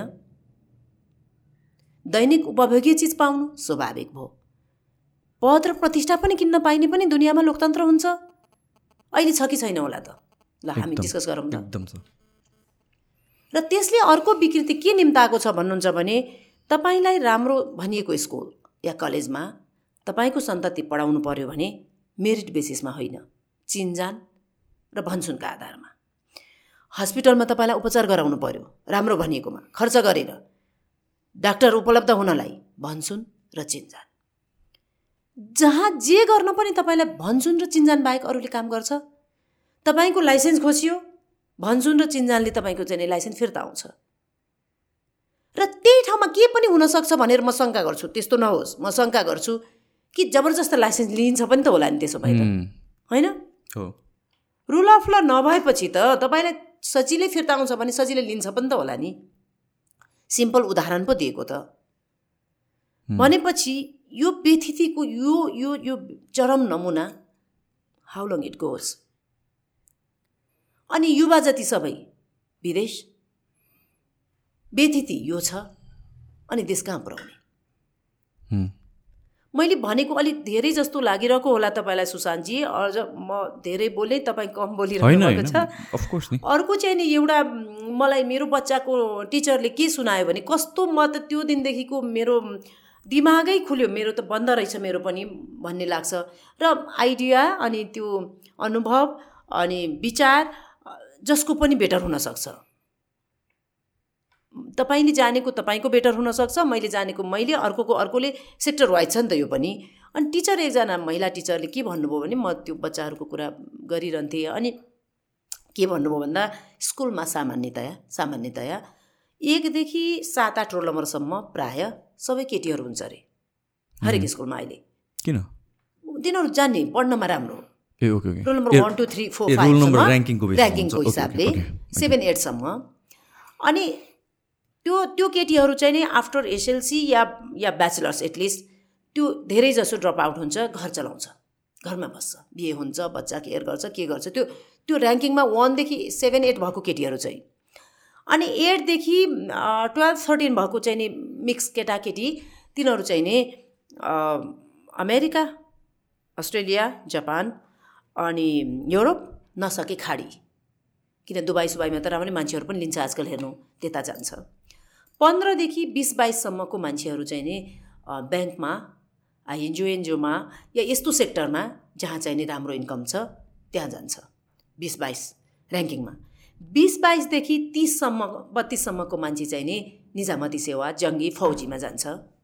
अनि त्यो बत्तिसदेखि माथिको मान्छेहरू चाहिँ टिचर अनि यो हुन्छ नि त्यो तल तल पनि जागिरहरू हुन्छ नि तल त्यो जान्छ करिब त्यो पैँतिस सडतिससम्म। अनि त्योभन्दा माथिको मान्छे मात्रै पोलिटिक्समा आउँछ। त्यसपछि कहीँ पनि नभए अनि पोलिटिक्स पत्रकारिता अरू सेक्टर छ नि यस्तोहरूमा। अनि उसले मलाई के भन्यो भने जब एकदेखि सेभेन एट ऱ्याङ्किङको केटीहरू छ नि घरमा घर चलाउँछ खाना बनाउँछ। घरमा सधैँ खाना डढ्यो भन्ने तपाईँले सुन्नुभएको छ कसैको? बाई मिस्टेकले एक दिन डढ्छ होला तर त्यसले खाना त नडराइ खुवाएको छ होइन। घर त राम्रैसँग चलाएको छ। म्यानेज त राम्रैसँग छ। भान्सा त्यति राम्रोसँग चलाउँछ भने त्यसले देश पनि त्यत्तिकै राम्रोसँग चलाउँछ कि? त्यो त छैन नीति निर्णयमा त। नीति निर्णयमा नभएको मान्छे चाहिँ अनि कहाँ छ? युरोप अमेरिकामा राम्रै गरेर खान्छ नि त। जुन रोलमा मैले ऱ्याङ्किङको कुरा गरेँ तिनीहरू गएर त त्यहाँ त राम्रै गरेछ खाडी राष्ट्रमा गएर भेडै चराए पनि त राम्रै चराएर मात्रै त्यसलाई वेतन मिल्याएको छैन। त्यत्तिकै भेडा गत गतिलो गरी नचराउँदा त कहाँ दिन्छ त त्यहाँ मालिकले? उसलाई टिक्न। अनि देश कसले चलाउँदैछ त? त्यसमा को छ। हामी कहाँ छौँ? ल भन्नुहोस् त। कति चित्त दुख्ने कुरा होला। अनि मलाई त्यो दिनदेखि लाग्यो हो। रुल बेसमा त यो पो यो यो वानदेखि यो फिफ्टिनसम्मको मान्छे पो आउनु पर्ने हो त। खोइ त तिनीहरू चाहिँ। न तिनलाई अवसर छ न तिनलाई चाहिँ काम गर्ने ठाउँ छ न चाहिँ त्यसलाई अट्र्याक्ट गर्ने ठाउँ छ। झन् झन् अहिले त मान्छेहरू चाहिँ नै बसिसक्नु भएन। तपाईँ त्यही सुन्नुहुन्छ होला तपाईँको साथी सर्कलमा भन्दा यङ्स्टरहरू तपाईँको साथी हुनपर्छ तिनले त त्यही भन्छन् होला बस्ने अवस्था रहेन त्यसमा। जान त मन थिएन तर के गर्नु? अवस्था छैन। त्यही भन्छ होइन। या यसमा परिवर्तन कसले ल्याउने त? भन्दा यही पुस्ताले ल्याउनुपर्छ। पोलिटिक्स भनेको एउटा आफ्टर थट पनि भयो कि। कहीँ नभएपछि लास्टमा चाहिँ पोलिटिक्स छिरौँ भनेर पोलिटिक्सलाई बनाइयो पनि त्यसरी एउटा इमेज कि politics is a dirty game kind of हिसाबले। पोलिटिक्स पढे लेखेर को मान्छे राम्रो सोच्न सक्ने राम्रो डिसिजन लिन सक्ने मान्छे त पोलिटिक्समा जानु हुँदैन भन्ने काइन्ड अफ मेसेज आइयो कि अहिलेसम्म। बिस्तारै चेन्ज हुन्छ होला त्यो। तर अहिलेसम्म किन नभएको भन्ने वान अफ द मेन रिजनै त्यो हो कि छिर्नै दिँदैन नि पोलिटिक्समा तपाईँलाई किन जस्तो लाग्छ? किनभने त्यस्तै इक्जाम्पल देखिरहेको छ कि हामीले। अहिलेसम्म एउटा त हो अर्को के हो भने नि हाम्रो पाठ्यक्रमै त्यस्तो बनाइयो। सबै कुरा गएर जोडिने पढाइ हो मलाई मान्नु। हाम्रो एजुकेसन जुन छ नि एजुकेसन हाम्रो करप्टेड एजुकेसन बनाइयो के? बच्चाहरूको दिमागमा चाहिँ नि स्किल बेस एजुकेसन हुँदै भएन। बच्चैदेखिको के भन्न पर्छ भने कि तिमी के गर्ने हो? सिकर्मी बन्ने कि डकर्मी बन्ने कि? किन भन्दा उद्योग धन्दा केही पनि छैन। रेमिटेन्स बेसमा सधैँभरि देश चलाउने। अनि यसलाई यहाँ बस्नलाई कि त्यो त्यो किसिमको एजुकेसनै भएन कि? भोकेसनल एजुकेसनै भएन। अनि कसैले सोचोस् कि सिक्स सेभेन्थ ग्रेडमा पढ्दादेखि नै म चाहिँ पोलिटिक्समा जान्छु। म चाहिँ नि समाज परिवर्तन गर्छु। म यो यो चाहिँ नि यसरी विकास गर्छु भन्ने प्लान भएको त यहाँ एजुकेसन त छैन हाम्रो त। क्लास टेनसम्म त सबै म्यान्डेटोरी नै ल हेर्नुहोस् त। गर्नै पाउँदैन। हामीले के सिकायौँ? हामीले के पढायौँ? सबैभन्दा ठुलो समस्या अहिले मैले देखेको हाम्रो एजुकेसनमा हो। हामी कस्तो भयौँ त भन्दा त्यो बैलर जस्तो के? पुरै अरूको कपी गरेको एजुकेसन पनि ल्याउन सकिएन। देशकाल परिस्थिति अनुसार माटो सुहाउँदो एजुकेसन पनि दिन सकिएन। त्यो कस्तो विडम्बना लाग्छ कि कहिलेकाहीँ म एक सरो सतहत्तर जिल्लामा टेकेको छु सुशान्तजी सबै घुमेको भने होइन तर सतहत्तरै जिल्लामा मैले फुट स्टेप राखेको छु। अनि त्यो बच्चाहरूलाई चाहिँ नि त्यो माथि सोलुको गाउँको स्कुलमा पनि व्हाइट सर्ट अनि टाई हालिदिएको। त्यो के गरेको त? त्यहाँ त उलनको तातो लुगा चाहियो नि त होइन? त्यो कलर त्यो सिकेको के त्यो? कपी गरेको। माटो सुहाउँदो एजुकेसन हामीले दिनै जानेनौँ कि। हो यहाँ सप्तरीको बच्चालाई चाहिँ नि व्हाइट त्यो गर्मीमा होइन? त्यो सर्ट हाफ गरेर लगाइदिएको त्यो राम्रै हुन्छ। तर सोलुको कुनै गाउँमा त हुँदैन नि। हामीले अनि यो जति पनि गफ गरेर नीति निर्णायक तहको मान्छेले भन्यो भने पनि मलाई विश्वासै लाग्दैन कि एजुकेसनबाट चाहिँ परिवर्तन गर्न सुरु गर्न पर्थ्यो। गएका एकतिस वर्ष। त्योभन्दा अगाडि अरूलाई नै दोष दिएर हाम्रो समय गयो। त्यसको छिनोफानो इतिहासले गर्छ अब हामी धेरै त्यता नजाउँ। किन ढिला भइसक्यो नि त। देशमा प्रजातन्त्र आएको आज एकतिस वर्ष भयो। त्यो बेला जन्मिएको बच्चा पनि अहिले एकतिस वर्षको भयो। खोइ त। खोइ त के अब हुँदै नभए होइन? भएको छ भन् कसैले फेरि भन्छु म दोहोऱ्याउँछु हावा कसले रोक्न सक्छ त? चिल्लो भयो सडक भनेर तिसो भनेर चित्त बुझाउने कुरा हो र। त्यो त कहीँ पनि रोक्न सक्दैन कसैले पनि रोक्न सक्दैन र मूलत चाहिँ नि एजुकेसनमा हामीले हाम्रो किसिमको अर्ब पैसा जान्छ अस्ट्रेलिया अमेरिका युरोपमा पढ्नकै निम्ति मात्रै पनि। अरू अरू रेमिटेन्सको काम गर्ने लेबरको त कुरै छोड्नुहोस्। त्यति यो वर्षौँदेखि गइरहेको देखेपछि त त्यसलाई रोक्नका निम्ति त्यहाँ के के एजुकेसन दिन्छ त? त्यो उत्पादन जनशक्तिलाई कहाँ लाउँछ त? केही नै गर्न सकिन्न। एउटा पाइलट प्रोजेक्ट त गर्न सकिन्छ होला नि। एउटा प्रदेशमा त गर्न सकिन्छ होला नि। तपाईँ भूतपूर्वदेखि वर्तमानसम्मलाई सेवा सुविधा चाहिने कहाँबाट के थप्ने के घटाउने हरेक दिन गर्न सक्ने एमएन गर्न सक्ने। तर त्यही किसिमको जनशक्ति उत्पादन गर्छु भन्न चाहिँ कहीँ पनि नसक्ने। कति निरीह हामी र कस्तो हाम्रो नेतृत्व सोच्नुहोस् त। यो पहिला पनि हाम्रो कन्भर्सेसन भएको कुरा हो। यो एजुकेसन भनेको हाम्रो कन्ट्रीको निड अनुसार बेसिसमा हुनु पऱ्यो जस्तो कि हाम्रो अब अहिले त तपाईँले भने जस्तो इट्स मोस्टली रेमिटेन्स छ। भनेपछि त भित्रको इन्टरनल इन्डस्ट्रीहरूलाई ग्रो गर्नु पऱ्यो इन्टरनल इन्डस्ट्री पनि कुन कुन इन्डस्ट्री ग्रो गर्ने कुन कुन सेक्टर ग्रो गर्ने त्यसको बेसिसमा टेन इयर्सपछि के ग्रो गर्ने? अहिले त्यहाँतिर पढाउनु थाल्नु पऱ्यो क्या? अनि किन भनेपछि त्यो त्यो one two three four five क्लासमा पढिरहेको बच्चा ल five class one two three फोरमा त कम्पलसरी होला। फाइभ सिक्समा पढिरहेको बच्चा भोलि गएर प्लस टू सकेपछि त दस वर्षमा त ऊ त जब प्लेसमा आउँछ त मार्केट प्लेसमा आउँछ नि त। सो त्यो फ्युचर हेरेर एजुकेसन त अहिलेदेखि गर्नु पऱ्यो र हाम्रो जुन एक त सब्जेक्ट्सहरू नै म्यान्डेटरी हिसाबले जुन पहिलादेखि थियो त्यही नै पढाइरहेको छ बिस वर्षदेखि। र education system in a sense that के सिक्यो त भन्ने कुरा हो क्या? इक्जाम्समा टेस्ट गर्ने के हो? मेमोरी मात्र त हो नि होइन त। उसले के सिक्यो त होइन नि। यो मैले कलेज पास भइसकेपछि मैले रियलाइज गरेको कि? किन कलेजसम्म जति पढ्यो मार्केटमा आउँदाखेरि कत मजोरी कामै लाग्दैन क्या। हो नि। मार्केटमा छिरेपछि पढ्ने हो भनेपछि यत्रो मैले बाह्र पन्ध्र के वर्ष कहाँ इन्भेस्ट गर्थेँ? त्यत्रो मैन मनी त्यत्रो टाइम जुन बेला मेरो ब्रेनलाई सेप गर्न सकिन्थ्यो। त्यो टाइममा त सेप भइएन नि त। र यो कहिलेसम्म गरेर राख्ने कि यस्तै हिसाबले? अनि अनि हामीले अब जस्तो कि अब अहिले इकोनोमिक क्राइसिसको कुरा गर्छौँ भने चाहिँ कसरी आयो त? किनभने भित्र त इन्डस्ट्री केही पनि छैन खोक्रो छ। अनि? भित्रको ग्रो गर्नको लागि त मान्छे नभएको पनि होइन भएको त सबजना बाहिर गइरहेछ।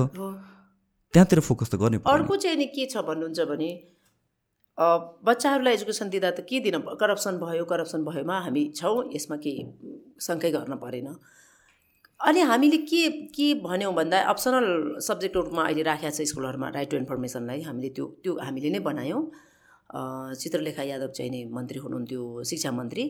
अनि चिन्जान चिन्जान नभए केही नै हुन्न हेर्नु। त्यो उहाँको ठाउँमा अर्को मन्त्री भए गर्दै गर्थेनन् चिनेको भएर मलाई चाहिँ नै अलिकति कन्भिन्स गरिकन त्यो राख्न सफल भयौँ। अनि हाम्रो जिकिर के हो भने मानिलिउँ चालिस हजार तलब खाने बा छ घरमा। छोरो चाहिँ नि पाँच छमा पढ्छ छोरी छ सातमा पढ्छ र त्यसले उनीहरू म्यानेज गरिरहेछ। अल अफ सडन बाले चाहिँ नि फोर्टी थाउजन्ड पर मन्थ ल्याउनेले पाँच लाख लिएर आयो। एजुकेसन बच्चालाई के दिन पर्यो त भन्दा बा कहाँबाट आयो पैसा। जम्मा तपाईँको फोर्टी थाउजन्ड जाने इन्कम हो पर मन्थ त्यो त हामीलाई थाहा छ। तपाईँले चाहिँ नि टिएडिए गरेर पाए दस हजार पायो होला अथवा केही ओटी गरेर ओभर टाइमले दस हजार पायो होला। त्यति भए सिक्सटी हुन्थ्यो होला। कहाँबाट आयो पाँच लाख? भन्ने एजुकेसन दिन पर्दैन। त्यो त छैन कहीँ पनि। अनि यो त बढावा भएर जाने भयो नि त। बच्चाले के सिक्ने भयो त भन्दा चालिस हजार तलब खानेले पाँच लाख ल्याउनु पर्ने भन्ने नै देख्यो होइन त। आखिर हामी भन्दै जान्छौँ विद्यालय भनेको घर पनि हो भनेर। घरमा के सिकाउँदैछौँ त हामी? अनि महिलाहरूले चाहिँ नै करप्सनमा सहयोग पुऱ्याउँछ भनेर पनि केही रिपोर्टहरू आएको छ याद गर्नु भएको छ कि छैन? के कारणले? त्यो उनीहरूले चाहिँ नि त्यो गरगहना यस्तो मलाई चाहिँ चाहियो धेरै भन्छ भनेर मास्टर्स गरेको त्यसको हस्बेन्ड जागिर खान्छ र कमाउँछ। अनि त्यो भर्खर एसएलसी दिएर या बढीमा चाहिँ नि आइए पढ्दै पढ्दैको केटी ल्याएर बिहा गरेर घरमा बसेको हुन्छ। त्यसले भन्न सक्दैन कि यो यो हाम्रो लिमिटेसन यति नै हो। जतिमा छ त्यतिमा तिमी रमाउन पर्छ। यो चाहिँ करप्सन गरेको पैसाले चाहिँ राम्रो भएर हिँडेर कुनै काम छैन। केही त तरिका म त खालि अब कसरी बुझाउँ कि मैले म आफू पनि यो पुरै बुझेको होइन। मैले खालि तपाईँलाई के भन्न खोजेको भन्दा केही पद्धति त हुन्छ होला नि त। केही पद्धति हुँदैन। न बच्चालाई एजुकेसन छ न घरमा मोरल एजुकेसन छ। अनि बच्चालाई के भन्दा घोकेर पढ लोकसेवा देऊ जागिर खाऊ बाले पाँच ल्याएको थियो दस ल्याऊ। घोकेर पढ फेल भयो भने राजनीति गर। पैसा ल्याऊ कमाऊ जसरी भने मन्त्री हौ। के हो त? एकदम मेक सेन्स एकदमै। अरू ठाउँमा अब त्यो त लौ एक किसिमको त्यो त्यो लोकसेवा पढेर एउटा कण्ठ गरेर भयो नि त्यता जागिर खायो। अहिले अब काबिल छ तर जागिर खान पर्यो। सम्भव छ त? खाली भएको ठाउँमा पनि सम्भव छ त? छैन नि त। गलतलाई कि तपाईँले? सही भन्न पर्यो। होइन त्यो हामीले अगाडि राखेको पेपर यति सेतो छ कि कहीँ कहीँ नेताले यसलाई खैरो देख्छु म भन्दा हो हजुर म पनि हजुरले जस्तै खैरो देख्छु भन्न पर्ने। यति विडम्बना त दुनियाँमा कहीँ पनि हुन्न के सुशान्तजी कति भन्न सक्न पर्छ युवाले? म त त्यही भन्छु तालिमहरूमा पनि त्यही भन्दै जान्छु। विथ पलाइट के भन्न पऱ्यो भन्दा हजुर यो छन चाहिँ सेतो नै छ। हजुरले कसरी खैरो देख्नुभयो? यो सेतो छ त्यसो हुँदा यसलाई चाहिँ सेतो नै भन्न पर्छ। भन्ने युथ भइदिएको भए पार्टीको कार्यकर्ता भइदिएको भए यति स्वेच्छाचारी नेतृत्व पनि बन्थेन कि? अनि त्यसमा केही लोभ र पाप छ होला र त त्यसो गर्छ होला नि? गलतलाई प्रश्रय दिन्छ होला नि? त्यो पनि लाग्छ फेरि। म कतिजनासँग इन्टरेक्सन गर्छु कि किन यस्तो दासै बन्नुहुन्छ? किन किन गलतलाई पनि ठाउँ दिनुहुन्छ भन्दा? त्यो गलतलाई हो नभन्यो भने केही पनि पाइँदैन भन्छ। पाउने आशमै यति यति गर्ने त? पाउने आशमै भन्दा रोजीरोटीकै सवाल छ। पाउने आश त के? अब त्योभन्दा अर्को के छ त उपाय? किन भन्दा उद्योग धन्दा छैन। इन्कम जेनेरेसन छैन। त्यतातिर केही गरेकै छैन। त्यो बाटो त कोही हिँडेकै छैन नि त। सिम्पल तपाईँ हाम्रो चाहिँ नि भान्सामा पाक्ने गुन्द्रुक सिन्की हामी? बाहिरबाट ल्याएर खाने। जबकि हाम्रो टिपिकल हो त्यो। हाम्रो आफ्नो हो कि त्यो? त्यो सिस्टम त्यो बनाउने तरिका त्यो टेस्ट त्यो सबै हाम्रो त्यो पनि मगाउने। अब तपाईँलाई कतिको ज्ञान छ? बाहुनले लाउने त्यो जनै भन्छ नि त्यो पनि इम्पोर्ट गर्छ। त्योसम्म लिएर आउने. बरु बेर्नु नि त्यत्तिकै के त्यति पनि लिएर आएर किनेर लाउनु भन्दा त त्यही यत्तिकै बेरे हुन्न भनेर पनि जिस्काउँछु कि कति ठाउँमा म। त्यो त सिम्पल उसले लाएकोमा मेरो आपत्ति होइन कि सुशान्तजी? त्यति त बनाउन सक्नु पर्यो नि। यो अहिले पालिकाहरूमा महिलाहरू घरमा हुन्छ नि। त्यो बच्चा पठाइसकेपछि घर खेतको काम मिलाएर घर घरमा लगेर त्यो धागो दिएर तिमीलाई सर्टेन पैसा आउँछ यो जनाइ बनाऊ। भने पनि हुने कुरा हो यो त हेर्नुहोस्।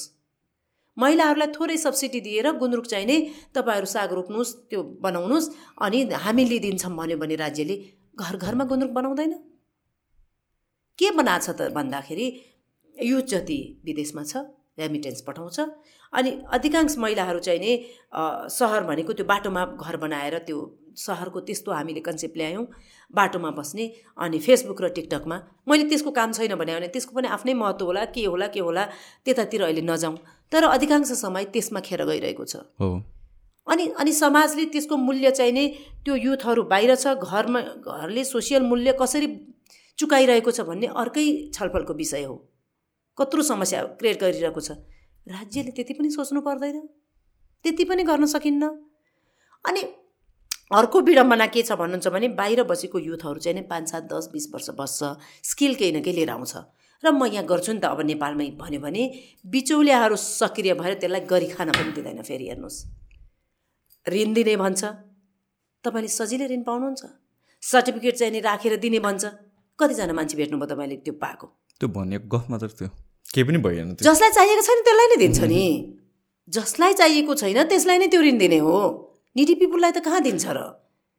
र कसैले गाई गाई पाल्छु भनेर एक करोड लियो भने रफली भनेको मैले हेर्नु एक करोड पैसा चाहिँ नि लिन्छु भन्यो भने नि पच्चिस लाख त त्यो लिने बेलामै खुवाउन पर्छ अनेक अनेक खडा गरेर त्यसलाई खुवाउन पर्छ पचहत्तर त्यसको हातमा पर्छ। त्यो पचहत्तर त्यहाँ सम्बन्धित ठाउँमा पुऱ्याएपछि फेरि पच्चिस खुवाउन पर्छ अनि बाँकीले त्यसले कसरी उद्यम गर्न सक्छ?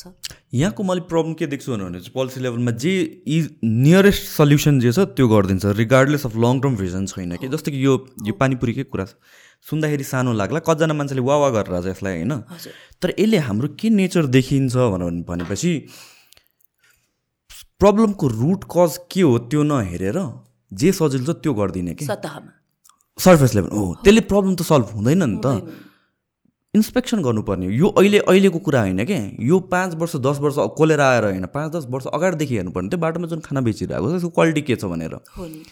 त्यो क्वालिटी अब अहिले पनि क्वालिटी इन्सपेक्सनमा लाग्नुपर्ने हो कि? न कि अब यत्रो मान्छेलाई बेरोजगार बनाइदिनु त होइन नि त। उसको त रोजीरोटी हो नि उसको रोजीरोटी हो। अब जस्तै कोभिडको बेलामा यत्रो बिजनेसेसले सफर गर्यो। मैले पनि सफर गरेँ। धेरैजना मान्छेहरूले सफर गर्यो। कतिवटा बन्दै भयो। होइन अब ल यो बिजनेस भनेको कतिजनाको लागि मेबी उनीहरूको केही छ होला प्रपर्टी छ होला फ्यामिली छ होला यो एक्स्ट्रा भयो। तर फर दिज पिपल यो त day to day earning day to day life बाँचिरहेको मान्छेहरू. ह्यान्ड टु माउथ हो कि? अब यसमा सल्युसन भनेको सबै बन्द गरेर कहिलेसम्म बन्द गर्ने? त्यो होइन कि? यहाँ त क्वालिटी कन्ट्रोल गर्नलाई पेनलाइज गर्नु पऱ्यो क्वालिटी कन्ट्रोल इन्सपेक्सनमा लाग्नु पऱ्यो चल्न त दिनु पऱ्यो उदाहरण मात्र पो हो त। र यो र यो उदाहरण एभ्रिथिङमा देखिन्छ क्या हामीले? एभ्रिथिङमा देखिन्छ। अघिल्लो दिन तपाईँ हिँडिरहेको पेटीमा चाहिँ नि खाली हुन्छ सडक पेटीमा। भोलिपल्ट त्यहीँ तरकारी बेचिरहेको हुन्छ। पर्सिपल्ट फेरि दौडाइरहेको हुन्छ। म चकित हुन्छु कि तपाईँ मिल्दैन भने मिल्दैन मिल्दैनै गर्नुहोस् कि। No is no yes is yes गर्नु न। तपाईँले बाहना तपाईँको चाहिँ लहरको आधारमा आज राख्न दिने भोलि उठाउने। यसो सोच्नु त बाटोमा कति चाहिँ व्यथिति छ होला। र अब हामी कुराकानीको अन्तिममा पनि भयो होला। धेरै मान्छेलाई सुन्न पनि इन्ट्रेस्ट हुन्न होइन सुशान्तजी। बाँकी छ अलिकता कुरा चाहिँ बाँकी छ। यस्तो हुन्छ सामान्यतया हेर्नु त्यो ज्वरो आउँदा। ज्वरो आउँदाखेरि सिटामल पनि आठ आठ घन्टाको फरकमा खाए मात्रै लाग्ने हो। अब एकैचोटि तिनवटा ट्याब्लेट खायो भने त झन् छपिन्छ हेर्नु। अहिले व्यथिति अर्को तपाईँलाई नसुनाइ नहुने र युथहरूले ध्यान दिन पर्ने चाहिँ सडकमा तपाईँ हिँड्नुभयो भने यो चक्रपथमै पनि अ, चावेलदेखिको तपाईँ यो बाटो नछोडिकन सातो बाटो आइपुग्नुभयो भने बाटोमा यति धेरै महिलाहरू त्यो बच्चा चाहिँ नि बाँदरले बच्चा झुन्याए चाहिँ गरेर हिँडिरहेछ। हो आदि। राज्यले सोध्नु पर्दैन। बच्चा के त्यसकै सन्तान हो त्यो? आ एउटा आमाले त्यो यसो गरेर बच्चा चाहिँ त्यो त्यो बाँदरले बच्चा बोकेपछि बोक्न सक्छ? बच्चा कहाँ उत्पादन भयो? कसको बच्चा हो? कसरी हुर्काउँदैछ? मागेर कहाँ लान्छ? त्यो कहाँ बस्छ? कहाँबाट आयो? हेर्न पर्दैन। हामी के भयौँ? दुईवटा कुराले एउटा कति संवेदनहीन भयौँ कि हामी त्यो बच्चा चाहिँ नि त्यो के भन्छ त्यसरी बोकेर हिँड्दा पनि हामीलाई केही छोको पनि छैन। र अर्को अथोरिटीले प्रश्न पनि गरिरहेको छैन कि हु आर दे अगेन यो कुरामा पनि त्यही त्यही देखियो। अब आजदेखि हो कि कहिले देखियो अब माग्न नपाउने भन्ने ल आएको छ हेर्नुहोस् न त्यो हो समाधान। माग्न। नपाउने त समाधान होइन नि त। को हो चाहिँ पहिला प्रश्न गर्न पर्यो? कहाँबाट आयो? किन आयो? माग्न किन बस्यो? यसै मान्छे माग्न बस्छ। एक्ज्याक्टली मैले पनि भन्न खोजेँ यही हो। सर्फेस लेभलमा जे सजिलो छ सल्युसन त्यो मात्र गरिन्छ। हुनसक्छ कहीँको शरणार्थी हो कि? हुनसक्छ। कसैले चाहिँ नि यहाँ त्यस त्यो किसिमको चाहिँ नि जनशक्ति उत्पादनै पो गरिरहेछ कि बच्चा चाहिँ नि त्यो भाडामा चाहिँ नि कोखहरू लिएर। इन्डियामा गर्ने जस्तै भयो अनेकै हुनसक्छ। नि त राज्यले त त्यता पो ध्यान दिन पर्छ होइन। अब माग्न नपाउने भनेपछि त त्यसले अर्को के गर्ने भयो त? विकृति ल्याउने भएन समाजमा। त्यसले के पनि भएन भनेपछि एक्चुअल पिपल जो निडी छ उनीहरू त उनीहरूले गर्ने के भन्ने कुरा पनि आयो क्या आयो कि। ह्यान्डिक्याप पिपल छ डिफ्रेन्टली एबल्ड पिपल छ होइन? अब हाम्रो देशको स्थिति त्यति पनि छैन कि हामीले सबैलाई पाल्न सक्छौँ। भनेपछि त्यसको स विकल्प के होला त भन्ने कुरा आयो कि होइन के त नियम बनाइदेऊ न? राज्यसँग चाहिँ आँकडा हुन पर्यो। तपाईँको चाहिँ नि बत्तिसवटा वटा छ काठमाडौँमा। कति जनसङ्ख्या बस्छ? कसको हैसियत के हो? यो कुरामा चाहिँ सबै एक्सपर्टहरूले भन्ने नेपालमा सबभन्दा लिस्ट बजेट या बजेट नहुने भनेको रिसर्चमा हो कि रिसर्चमा स्पेन्डिङ नै छैन क्या. सो जबसम्म हाम्रो रिसर्च हुँदैन तबसँग हामीसँग डेटा छैन। डेटा हामीसँग नभएसम्म हामीले पोलिसी के को बेसिसमा गरिरहेको छ भनेर हामीले क्वेसन गर्न सक्नु पऱ्यो कि भनेपछि जति पोलिसी आइरहेछ त्यो त हाम्रो अजम्सनको बेसिसमा भइरहेछ कि। पक्कै हो। किनभने रिसर्च सेन्टरहरू एकाडेमिक वर्कमा त पैसा लाउन तयारै छैन नि राज्य। त्यसो गर्ने हो त्यो मान्छेहरूलाई हटाउनु पूर्व के गर्न पर्यो भन्दा वडा मार्फत चाहिँ नि आफ्नो वडा त मोबिलाइज गर्न सकिन्छ नि त ठुलो कुरा होइन नि। वडा मार्फत चाहिँ नि कति जनसङ्ख्या छ वडामा? कति चाहिँ त्यहाँ रेजिस्टर छ? रेजिस्टर नभए कति छ? त्यो त्यो आँकडा निकाल्न लाउ न त एकजना दुईजना मान्छे यो यो कुरामा त म छक्कै परेको कोभिडको बेलामा जस्तो कि यो काम वडाले गर्न सकिन्थ्यो होला घर घरमा गएर इन्जेक्सन दिनुपर्ने हो कि के हो? छवटा सातवटा हस्पिटलमा इन्जेक्सन दिन राखेछ। मान्छे बिहान चार बजीदेखि लाइन कुरेछ। उसको पालो आउँछ दिउँसो एक दुई बजेसम्म। त्यो लाइनमा कुर्दाखेरि झन् रोग कति सर्ने होला। यो त वडा वडा लेभलमा वडा भएको काम के त भन्न खोजेँ क्या मोबिलाइज गर्न सक्नु पऱ्यो नि त। यस्तो सिम्पल कुरा हो कि यो। जब कि यो यो कोभिड जस्तो ठुलो कुरा कहिले पनि भएको छैन हिस्ट्रीमा। भनेपछि यस्तो बेलामा पनि मोबिलाइज गर्न सकिँदैन भनेपछि भनेपछि वडा काम के भयो भन्ने कुरा आउँछ अनि सबै काम चाहिँ नि त्यो खालि कपी पेस्ट गर्दो रहेछ कि. मलाई लाग्छ। दस्तावेजहरू चाहिँ उत्कृष्ट बनाउने। तर त्यसको कुन बेसिसमा आयो र त्यसपछि इम्प्लिमेन्टेसन कसरी जान्छ चाहिँ नि हेर्दै नहेर्ने कि? नत्र त कसरी यस्तो हुन्छ? डेमोक्रेसी नै पनि ल्याएपछि सङ्घीयता ल्याएपछि यसपछि यो यो भन्ने त हुनपर्ने प्लान होइन। खर्च मात्रै हुने इन्कम नहुने पो पद्धति रहेछ त। त्यसो भनेर पद्धतिमा क्वेसन उठाएको हो र। हाम्रो गराइमा क्वेसन उठाएको हो नि त। वाट नेक्स्ट त्यो हेर्न पर्थ्यो नि त पहिला नै। अहिले इन्कम बढी भइरहेको छ कि त्यो पैसा बढी बजेट गइरहेको छ भन्दा बढी गइरहेको छ? प्रदेशहरूलाई जिम्मेवार बनाउनका निम्ति प्रावधानै राखिएको रहेन रहेछ। कपी के गरिएछ भन्नुहुन्छ भने गाउँ घर घर गाउँ गाउँमा सिंहदरबार भनेर यहाँको विकृति विसङ्गति पनि गाउँ गाउँमा लगिएछ। सेवा सुविधा चाहिँ नि त्यही अनुसारको लिने भन्ने प्रावधान राखिएछ। तर त्यो सेवा सुविधा लिनु अगाडि त्यो इन्कम पनि त गर्न पर्यो नि। लोकल जे छ त्यसको प्रा प्रवर्धन गर्न सकिन्न। त्यति पनि छैन। त्यही सिन्धुपाल्चोक तपाईँ जानुहोला चौताराको पुग्ने बेलामा बाटोमा त्यो हलवा बेच्छ नि। यहाँ धेरै चाहिँ मार्केटमा जापानिज हलवा बेद भन्छ चाइनाबाट आउँछ र धेरै खपत हुन्छ। त्यो हाम्रो लोकल हलवा बेद चाहिँ नि त्यहाँ हिँड्दाखेरि मैले देखाएको छु। त्यो बोटोबाट झरेर त्यहाँ अब कति खान्छ र? मार्केट छैन। त्यसै पर्या हुन्छ त्यहाँ हेर्नुहोस्। अनि यहाँको हाम्रो लोकल चाहिँ नि हाम्रो हाइब्रिड हो त्यो। अनि त्यो चाहिँ नि सय रुपियाँ केजी बाहिरको चाहिँ तिन सय रुपियाँ केजी। त्यो हाम्रो सय पनि कसले एका दुई ल्यायो भने हो ल्याउने मार्केट पनि छैन। त्यसको जाम बनायो भने उद्योग एउटा खोलिदियो भने त्यहाँ त्यहीँ खपत हुन्छ। मान्छेले काम पाउँछ। स्वदेशी उत्पादन खान पाउँछ। त्यसको मूल्य सस्तो हुन्छ। अहिले मार्केटको भाउ कसरी चुलिएको छ र मान्छेलाई चाहिने ह्यान्ड टु माउथको जुन अघि हामीले कुरा गरौँ प्रब्लम कहाँ पुग्यो? त्यता कहीँ सोच कोहीबाट सुन्नु भएको छ। सुन्दा सानो जस्तो लाग्छ हरेक पालिकाले यो गरिदिएदेखि आफ्नोमा जसकोमा जे हुन्छ मैले त खालि अहिले मेरो दिमागमा आएको त्यो कुरा राखेँ तर हरेक ठाउँमा हाम्रो केही त केही हुन्छ। त्यति गरिदिँदैदेखि बाहिर जानलाई चाहिँ नि त्यो त्यो चालिस बयालिस डिग्रीको चाहिँ नि घाममा सेकिन जानुको साटो त मान्छेले त आफ्नो ठाउँमा काम गर्छ आफ्नो बालबच्चासँग बस्छ। सोसाइटीमा चाहिँ नि एउटा एउटा सम्बन्ध स्थापित हुन्छ सुसंस्कार स्थापित हुन्छ। खोइ त त्यो कुरा। त्यता त सोचै छैन। अनि के भनेर ठुल्ठुलो चाहिँ नि त्यो झिङ्गाटाउके अक्षरमा चाहिँ नि समाचार छापिन्छ त भन्दा फलानु देशले पनि अनुमति दियो जानलाई। उसले उसलाई दियो। त्यो कुनै त्यो गर्व गर्ने विषय हो तपाईँको युथ चाहिँ छोराछोरी चाहिँ नि बाहिर पठाउनलाई अनि अनि हामी के भने खुसी हुनपर्ने यति डिमान्ड गरेको यति डिमान्ड गरे बापत भनेर रमाउनु पर्ने। के बनायौँ त हामीले भन्नु त? अब चाहिँ हामी कति गर्छौँ कुरा अलिकति अब हल्का डाइभर्ट गरौँ। मेन कुरा तपाईँसँग गर्न मन लागेको स्पेसली इज वुमेन इम्पावरमेन्टमा तपाईँ इन्भल्भ हुनुहुन्छ होइन? अनि मैले मलाई चाहिँ एकजनासँग कुरा गर्नु जो चाहिँ एक्टिभली वर्किङ विथ वुमेन वुमेनको प्रब्लम्स यहाँ हाम्रो किनभने आम प्रिटी स्योर धेरै प्रब्लमहरू छ। तर कुन कुराहरूलाई कुन कुरा चाहिँ मेन हुनसक्छ कुन कुराहरू चाहिँ सेकेन्डरी हुनसक्छ? सो यहाँ तपाईँले वर्क गरिरहनु भएको यो फिल्डमा के प्रब्लमहरू देख्नुहुन्छ? नेपालको कन्टेक्समा वुमेनतिर चाहिँ। मूलत यसमा के छ भन्दा जान्ने महिलाहरूले जसले बुझेको छ जानेको छ सेवा सुविधा पनि आफैसँग मात्रै सीमित गरेको छ। महिलालाई यति धेरै राज्यले प्रावधान दिएको छ नि त्यो महिला उस्तै न सामान्य ऊ भएको दिमाग भएको महिला त बेहोसै हुन्छ। त्यति धेरै चिज छ। उसलाई थाहै छैन। जस्तै के छ जस्तै जस्तै एउटा कफीको बिरुवा किन्न तपाईँ पुरुष जानुभयो भने तपाईँलाई लाग्ने पैसा उदाहरणको लागि तपाईँलाई एउटा कफीको बिरुवालाई करिब चौबिस रुपियाँ लाग्छ महिलालाई छ रुपियाँ लाग्छ। ओके अब यो पुरुषहरूलाई थाहा छ यो कुरा हेर्नु। अधिकांश नीतिनायक तहमा त पुरुषहरू छ। उनीहरू पनि त्यो महिला भनेपछि त महिला भन्नासाथ अरू महिला सम्झिने कि? घरको आमा श्रीमती छोरी बुहारी त्यो महिला चाहिँ नसम्झिने महिला अर्काकै महिला सम्झिने के? होइन भए त त्यो थाहा पाउने पुरुषले त महिला मोबिलाइज गर्नुपर्ने हो नि त।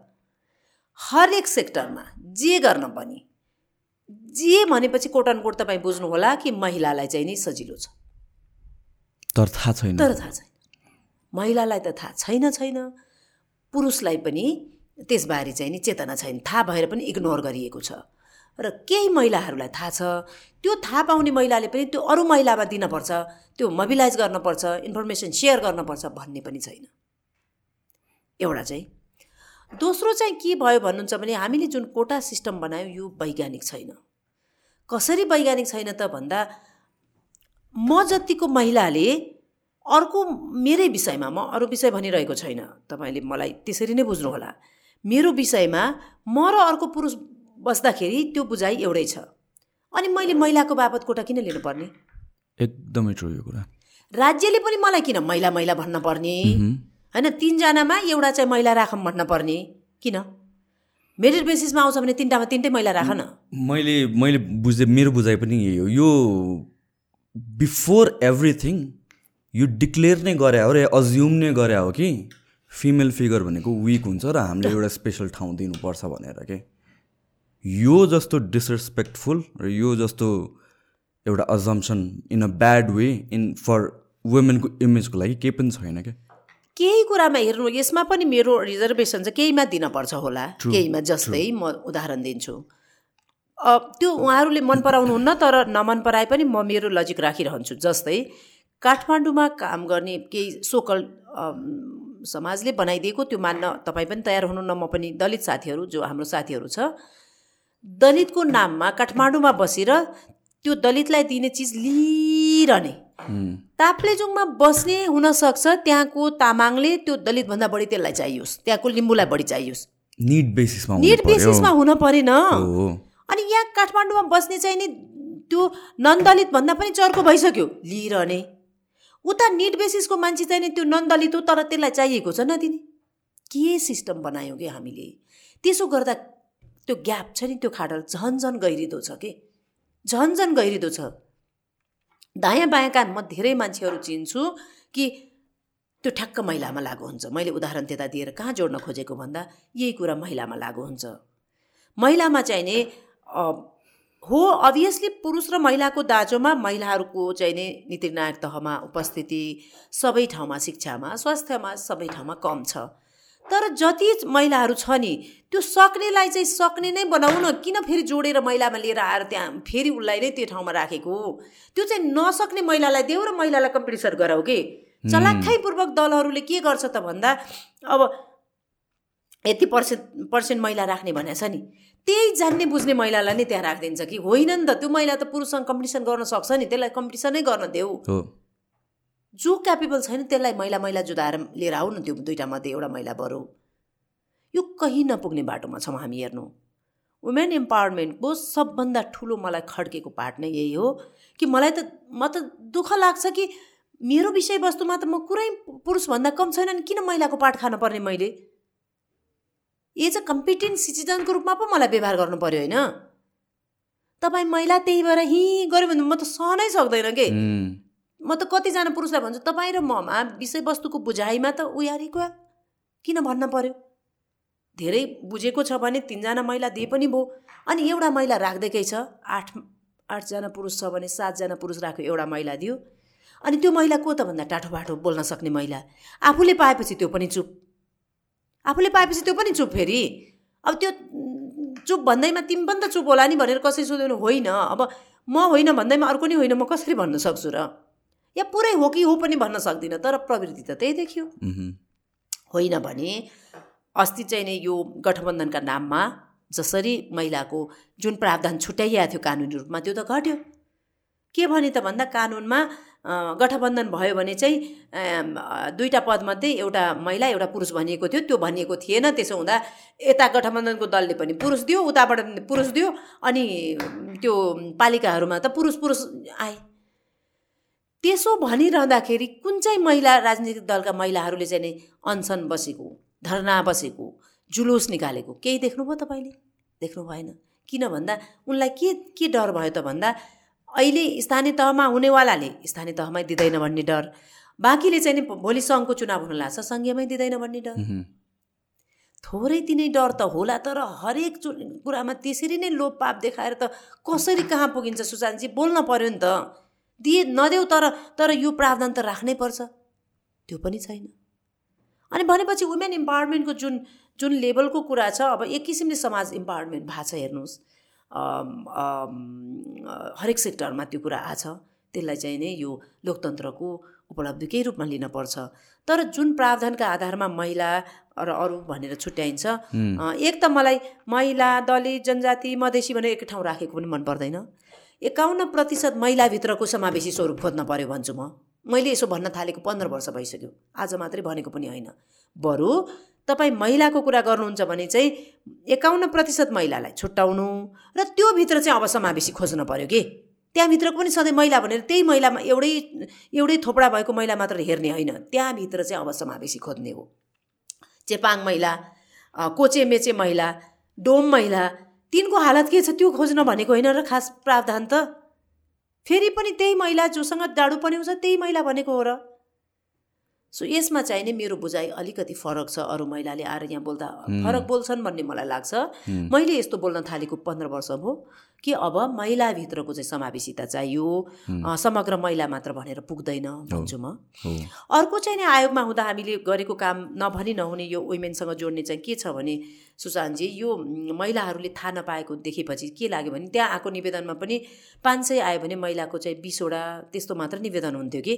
त थाहा नपाएर हो नि त। अनि हामीले के गर्यौँ भन्दा राज्यले महिलालाई दिएका सेवा सुविधा के के छन्? एकजना चाहिँ त्यो रिटायर्ड सहसचिवलाई त्यो जिम्मेवारी दिउँ। खोजेर ल्याउनुहोस् भनेर यो स्थानीय सङ्घीयता नआउँदैको कुरा। त्यतिखेर अट्ठाइसवटा जस्तो लाग्छ मलाई। आइदर अट्ठाइस अरू बत्तिसवटा चाहिँ मन्त्रालय थियो त्यो फुटाएको मन्त्रालयसहित त्यो सबै खोजेर उहाँले एक किसिमको ल्याउनु भयो त्यो हनुमानले पर्वत ल्याए जस्तो। अनि त्यो पर्वतमा बसेर तिनजना हामी त्यो राष्ट्रिय सूचना आयोगमा तिनवटा आयोग त हुन्छ जम्मा। ठुलो सङ्ख्या पनि छैन। हामी बसेर त्यो बुटी निकाल्यौँ। त्यो हनुमानले ल्याएको पर्वतबाट बुटी निकाले जस्तो। त्यो बुटी निकालेपछि बयालिसवटा बुदामा बुकलेट निकाल्यौँ। महिलाले राज्यबाट पाउने सेवा सुविधा यी हुन् भनेर। नेपालीमा। नेपालीमा निकालिसकेपछि हामीलाई रियलाइज भयो सबैले त नेपाली बुझ्न सक्दैन। अघि मैले मेरो अभिव्यक्तिमा त्यो त्यो लेसन लर्न गरेर बोलेको हो। त्यसपछि हामीले डोट्याली थारू नेवारी तामाङ मैथिली अङ्ग्रेजी नेपाली। जम्मा आठ भाषा पहिला नेपाली थियो त्यो सात भाषामा त्यसलाई उल्था गरायौँ उल्था गराएर स्थानीय एफएमहरूलाई दिनको एक घन्टा महिलाहरूलाई चाहिँ थाहा छ। यस्तो यस्तो सुविधा छ नि भनेर त्यहाँको भाषामा जस्तै मैथिली धेरै बोल्ने धनुषामा मैथिली डडेलधुरा डोटीमा चाहिँ डोट्याली भाषा बोल्छ त्यहाँ गरेर भाग लाएर त्यो चाहिँ नि त्यो भाषा धेरै बोल्नेको आधारमा त्यो दिउँ। र अङ्ग्रेजी चाहिँ कसका निम्ति त भन्दा यो देशमा आउने पैसा जसले ल्याउँछ त्यसका निम्ति। तिनलाई भेला गऱ्यौँ। करिब एनजिओ आइएनजिओ अनि हाम्रो यो मिसनहरू गरेर डेढ दुई सय चाहिने मान्छेहरू भेला गरेर त्यो हिमालय होटलमा राखेर उहाँहरूलाई भन्यौँ कि पहिला तपाईँहरूको पैसा अब जानकारी दिनलाई प्रयोग गर्नुहोस्। माछो पकाएर दिने होइन कि माछाको भुरा उत्पादन गर्न सिकाउनुहोस्। नेट बुन्न सिकाउनुहोस्। पोखरी खन्न सिकाउनुहोस् बरु भोकै बसोस् मान्छे। तर त्यो उत्पादन गरेर खान सिकाउनुहोस् तपाईँले सामान्यतः के गर्नु त भयो त भन्दा नदिएको त होइन दिएको हो तर पाकेकै मासु लगेर दिने आज दियो भोलि खायो पर्सि सक्यो केही बाँकी रहेन। भनेर अङ्ग्रेजीमा उहाँहरूलाई दिउँ बाँकी चाहिने नेपालीमा। अनि पछि ठाउँ ठाउँमा जाँदाखेरि करिब एक सय बिस एक्काइसवटा भाषा भएको देख देशमा के का आधारमा छान्नुभयो भनेर हामीलाई प्रश्न पनि गरे। हामीलाई लाग्यो हामीले छान्यौँ। कसैले छान्नु भनेर कानुनले दिएको पनि होइन। हामीलाई लाग्यो हामीले छान्यौँ। अब तपाईँलाई लाग्छ आफ्नो भाषामा भने ट्रान्सलेट गर्दैछ तपाईँ बाँड्नुहोस्। काम गरेपछि बोल्न तागत पनि आउँछ कि सुशान्तजी? कामै नगरेपछि पो मान्छे बोल्न तागत आउँदैन त। त्यसले पनि अलिकति चाहिँ प्रभाव पारेको थियो। त्यसपछि हामीले अर्को चाहिँ भूकम्प पीडित को समयमा एकजनाले के सुनाउनु भयो त भन्दा गोर्खामा चाहिँ नि त्यतिखेर एकतिसवटा जिल्ला प्रभावित थियो। पचहत्तर थियो सतहत्तर भएको थिएन देश बहत्तरमा पचहत्तरमा एकतिस चाहिँ नि प्रभावित जिल्ला एकतिसमा चौध चाहिँ भल्नेरेबल थियो। सो त्योमध्ये एउटा गोर्खा गोर्खा जहाँ इपिसेन्टर थियो अनि त्यहाँ चाहिँ नि एकजनाले के अनुभव सुनाउनु भन्दा तात्कालीन राहतको रूपमा राज्यले चाहिँ नि चौध पन्ध्र हजार रुपियाँ चाहिँ घरमा बाँड्नु भनेर त्यहाँ पठायो। अनि उसको गाईबस्तु पनि मरिरहेको अनि फ्यामिली मेम्बर्स पनि मरेको एक घरमा एउटा वृद्धालाई त्यो पैसा लिन जाँदा के भन्यो अरे भन्नुहुन्छ भन्दा बाबु यस्तो आपत छ। यसै घरको मान्छे बित्या छन् गाईबस्तु सब बित्या छन् यो पैसा ल्याउनु भयो फेरि अनि यसको ब्याज भन्दै के भन्दै माग्न आउने होला कसरी तिर्नु मैले भन्यो अरे कि? त्यो भनेको त थाहा नपाएर हो नि त। राज्यले मलाई सित्तैमा पैसा दिँदैछ भन्ने थाहा पाएको भए त प्रश्न गर्थेन। त्यसपछि हामीले त्यो बेला पनि गोर्खाको महिलाहरूलाई बोलाएर एउटा चाहिँ आपतकालीन अवस्थामा कसरी चाहिँ विपदमा ज्यान जोगाउने भनेर तालिम राख्यौँ। एक्सपर्ट बोलाएर अर्को चाहिँ थाहा पाउने कुरा यो बेलामा के के हुन्छ भनेर पनि उहाँहरूलाई पनि त्यो मानकको रूपमा हामीले राख्यौँ। अब मुख्य त्यो दायित्व कसले निर्वाह गर्ने हो त भन्दा सुशान्तजी त्यो चाहिँ नि महिला मन्त्रालयले महिला आयोगले। उनीहरू त त्यो बाटोमा हिँड्नै परेन हेर्नु। जसरी भए नि पद जोगाउन पर्यो जसरी भए पनि प्राप्ति गर्न पर्यो दायित्व वहन गर्न परेन। अब उसले गरेन भनेर हामीले चुप लाग्ने कुरा त आएन। राष्ट्रिय सूचना आयोगको यो म्यान्डेट हो भन्दै पत्रकारले सोधे पनि। होइन। कानुन लाग्छ भने कानुन लाउनुहोस् न त। म्यान्डेट होइन। तर हामीलाई यो जरुरी लाग्यो। हामी आयोगमा गएर नागरिकलाई केही थाहा नभएपछि त हामीलाई केही सोध्नै आउँदैनन्। अनि झिङ्गा मारेर बस्नु त। हामीले त बताउनु त पऱ्यो नि त। भन्यौँ र हामीले चाहिँ त्यसरी निकाल्यौँ र हामीले राज्यलाई त्यो बेला के भन्यौँ भने यसै गरिकन किसानलाई पाउने के के हो भनिदिनु। यसै गरिकन दलित जनजाति मधेसी पछा पिछडा वर्गलाई राज्यले के के दिएको छ भनिदिनु। अनि पो प्रश्न गर्छ त कसै न कसैले त भनिदिनु पऱ्यो होइन? किसानलाई गएर कृषि मन्त्रालयको कसैले त भन्न पर्यो नि सुशान्तजी बिस वर्ष कृषि रणनीति राज्यले बनायो त्यो बेलामा। कहाँ बसेर भन्नुहुन्छ भने काठमाडौँको मेजर होटलहरूमा। बसेकोमा आपत्ति होइन। नीतिनाथ तहको मान्छे बस्नु स्वाभाविक हो। किसान चाहिँ आउनु पर्दैन। उसले चाहिँ बोल्नु पर्दैन। थाहा पाउनु पर्दैन। त्यसपछि मेजर सिटीहरूमा गए अनि मेजर सिटीमा पनि त्यही त्यहाँको चाहिँ नि दुई कुरा बुझेको बोल्न सक्ने हुन्छ नि। खेती गरोस् कि नगरोस् किसान होस् कि नहोस् त्यसलाई भेला गर्यो इन्फर्मेसन लिएर आएर बिस वर्ष कृषि रणनीति बनायो। त्यो चाहिँ नि कहिले लागु भयो भन्दा चौहत्तरमा त्योभन्दा पहिला एकचोटि बनाएको फेलर भएर फेरि बनाएको फेरि पनि त्यही। त्यो मैले तपाईँलाई उदाहरण मात्रै दिएको कृषि प्रधान देशमा त्यसरी रणनीति बनाइन्छ। एवं रीतिले अरू सेक्टर पनि त्यही हुन्छ। हो। अनि हामी कहाँ पुग्छौँ त? In terms of rights of women हाम्रो सिचुएसन कस्तो छ त्यसको मैले मैले बुझेअनुसार चाहिँ महिलाहरूमा बोल्न सक्ने। थोरै चेतना। हामी पनि मान्छे हौँ भन्ने चाहिँ आयो। के आउन बाँकी छ त भन्दा आर्थिक उपादेयताका कार्यक्रम आउन बाँकी छ। राज्यले के भनेर कानुन बनायो सिम्पली भन्दा घरेलु हिंसा भयो भने महिलाले निवेदन दिन सक्छिन्। सित्तैमा कानुनी उपचार पाउँछिन्। तर त्यो राज्य के भन्दैन भन्दा मानिलिउँ श्रीमानले श्रीमतीलाई चाहिँ पिट्यो र श्रीमतीले चाहिँ निवेदन दिन पऱ्यो भने त्यही श्रीमानसँग पैसा मागेर बस भाडा लिएर जानुपर्छ। र बेलुकी त्यसकै छानोमुनि बस्न आउनुपर्छ। न उसलाई जाने ठाउँ छ न खाने ठाउँ छ न गर्ने उद्यम छ न केही छ। अनि उसले कुटाइ सहन्छ कि निवेदन दिन जान्छ सुशान्तजी। राज्यले त पहिला उद्यमशीलता देखाइदिन पर्दैन। तिमीलाई यो भएपछि गरी खाने जाने राज्यले व्यवस्था गर्छ भन्न पर्दैन। सिप दिन पर्दैन विकास दिन पर्दैन। अब छ। नभए पनि होइन। बजेट महिलाको सिप विकासमा छ केमा छ केमा छ। तर के छ त भन्नुहुन्छ भने त्यो सिप विकासमा जान्ने सुन्नेले चाहिँ नि सिप लिने। त्यो सिप के लियो भन्ने अनुगमन छैन। कस्तो गर्यो? मूल्याङ्कन छैन। कसले तालिम दियो? त्यो पनि छैन। राज्य खालि प्रावधान बनाइदिने अनुगमन र मूल्याङ्कन नगरिदिने। राम्रो गर्नेलाई रिवार्ड्स पनि छैन नराम्रो गर्नेलाई पनिस पनि छैन। सो महिलाको हकमा चाहिँ अहिले मैले देखेको अरू अरू चेतनाको हिसाबले समहाउ इम्पावरमेन्ट आयो। अब आर्थिक सशक्तिकरणको पार्ट चाहिँ नि बाँकी रह्यो। त्यो गर्नु जरुरी छ। In terms of empowerment women empowerment basic कुरा के हो? कहाँबाट सुरु गर्नुपर्छ र के कुरालाई जोड दिनु पऱ्यो कि? अब मैले देखेको त महिला पुरुष दुईवटा भन्दै हामीले बुझ्दै आएको हो। तर त्यो होइन रहेछ नि त। बाई बर्थ पनि अर्को अर्को जेन्डर पनि मान्छे हुँदो रहेछ। सो एउटा त त्यो हुन्छ भनेर स्वीकार्ने समाज र त्यो चेतनाको विस्तार एउटा। र we are equal human being भन्ने यो कहाँ जोडिन्छ भन्दा मोरल एजुकेसनमा जोडिन्छ पहिला त। त्यो चाहिँ नि जोड्न पर्यो। र र इम्पावरमेन्ट चाहिँ के हो त भन्दा इन्कम जेनेरेसनसँग त्यसलाई जोड्न पर्यो। त्यसलाई सूचनासँग प्रविधिसँग तपाईँको चेतनासँग जोड्न पऱ्यो म त खालि पैसा मात्रै पनि भन्दैन कि? त्यसलाई चाहिँ प्रविधि सूचना त्यो जोड जोड्यो भने त पैसा कमाइहाल्छ नि। सो सिप विकासमा महिलालाई कोटा दिने भए चाहिँ शिक्षामा दिन पर्यो तालिममा दिन पर्यो स्किलमा दिन पर्यो।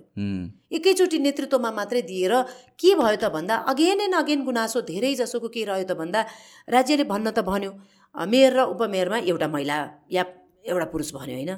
तर अगेन के भयो त भन्दा पुरुषको दाँजोमा त्यो उपमेयर या त्यो महिला चाहिँ नि त्यति इम्पावर्ड भएन जति पुरुष हुन्छ।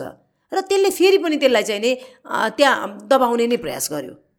केही महिलाहरू थिए जो इम्पावर्ड थिए अलरेडी सूचना प्रविधि शिक्षाको उसमा तिनले काम गरे पनि। तिनले काम गरे पनि। त्यो हिसाबले चाहिँ अरू के दिनु पऱ्यो त भन्दा उसलाई चाहिँ नि व्यवहारिक शिक्षा स्किल दिनु पऱ्यो र त्यो त पुरुष महिला दुइटैलाई दिन पऱ्यो अघि मैले भने कि समाना समाता समतामूलक समाज निर्माणका निम्ति शिक्षा जरुरी छ र त्यो दिन पऱ्यो विशेषतः महिलालाई दिन पऱ्यो छात्रवृत्ति दिन पऱ्यो कोटा दिन पऱ्यो पढाइमै दिन पऱ्यो एक्सपोजरमा दिन पऱ्यो तालिममा दिन पऱ्यो बुझ्ने ठाउँमा दिन पऱ्यो जहाँ जहाँ हुन सकिन्छ त्यहाँ त्यहाँ दिन पऱ्यो कि।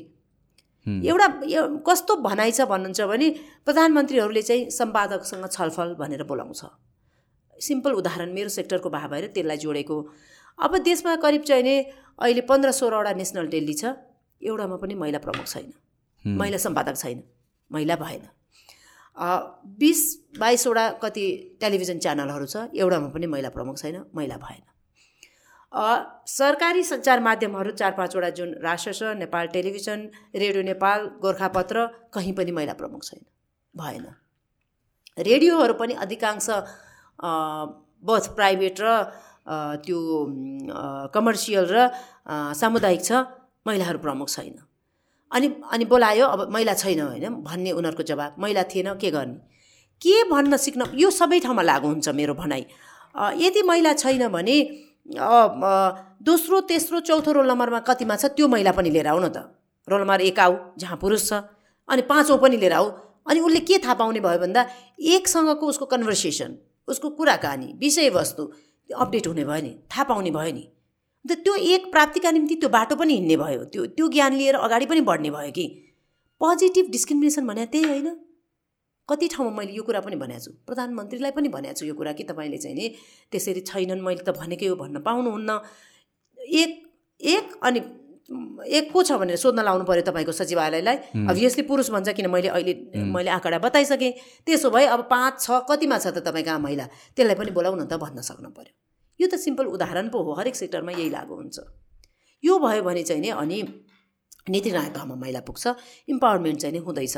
नभए होइन। किन किन नभए होइन भन्नुहुन्छ भने हाम्रो करिब सय वर्षको इतिहास हेऱ्यो भने मेरा हजुरआमाहरू जिउँदै चलेको इतिहास। तपाईँको हजुरआमा जिउँदै चलेको इतिहास त साक्षी छ नि त यो देशमा अहिले पनि। म कहिलेकाहीँ त्यो भान्सामा खाना बनाउँदा पोल्छ नि सोच्ने गर्छु कि मान्छेलाई जिउँदै जलाउँदा के भयो होला त? त्यो हो नि इतिहास त त्यो त त्यो त मिटाउन सकिन्न। त्यसरी आएको हामी महिलाहरू सय वर्षको यति इतिहासमा अहिले जुन अवस्थामा छौँ एकदम दिक्क मान्न पर्ने केही छैन भन्न पर्ने अवस्थामा हामी छैनौँ। ठुलो फड्को मारेको छ। डेमोक्रेटिक डेमोक्रेटिक जुन सिस्टम आयो त्यो सिस्टम सँगसँगै वुमेन इम्पावरमेन्टको ठुलो फड्को हामीले मारेका छौँ। अब गर्नुपर्ने क्रान्ति चाहिँ नै आर्थिक हो।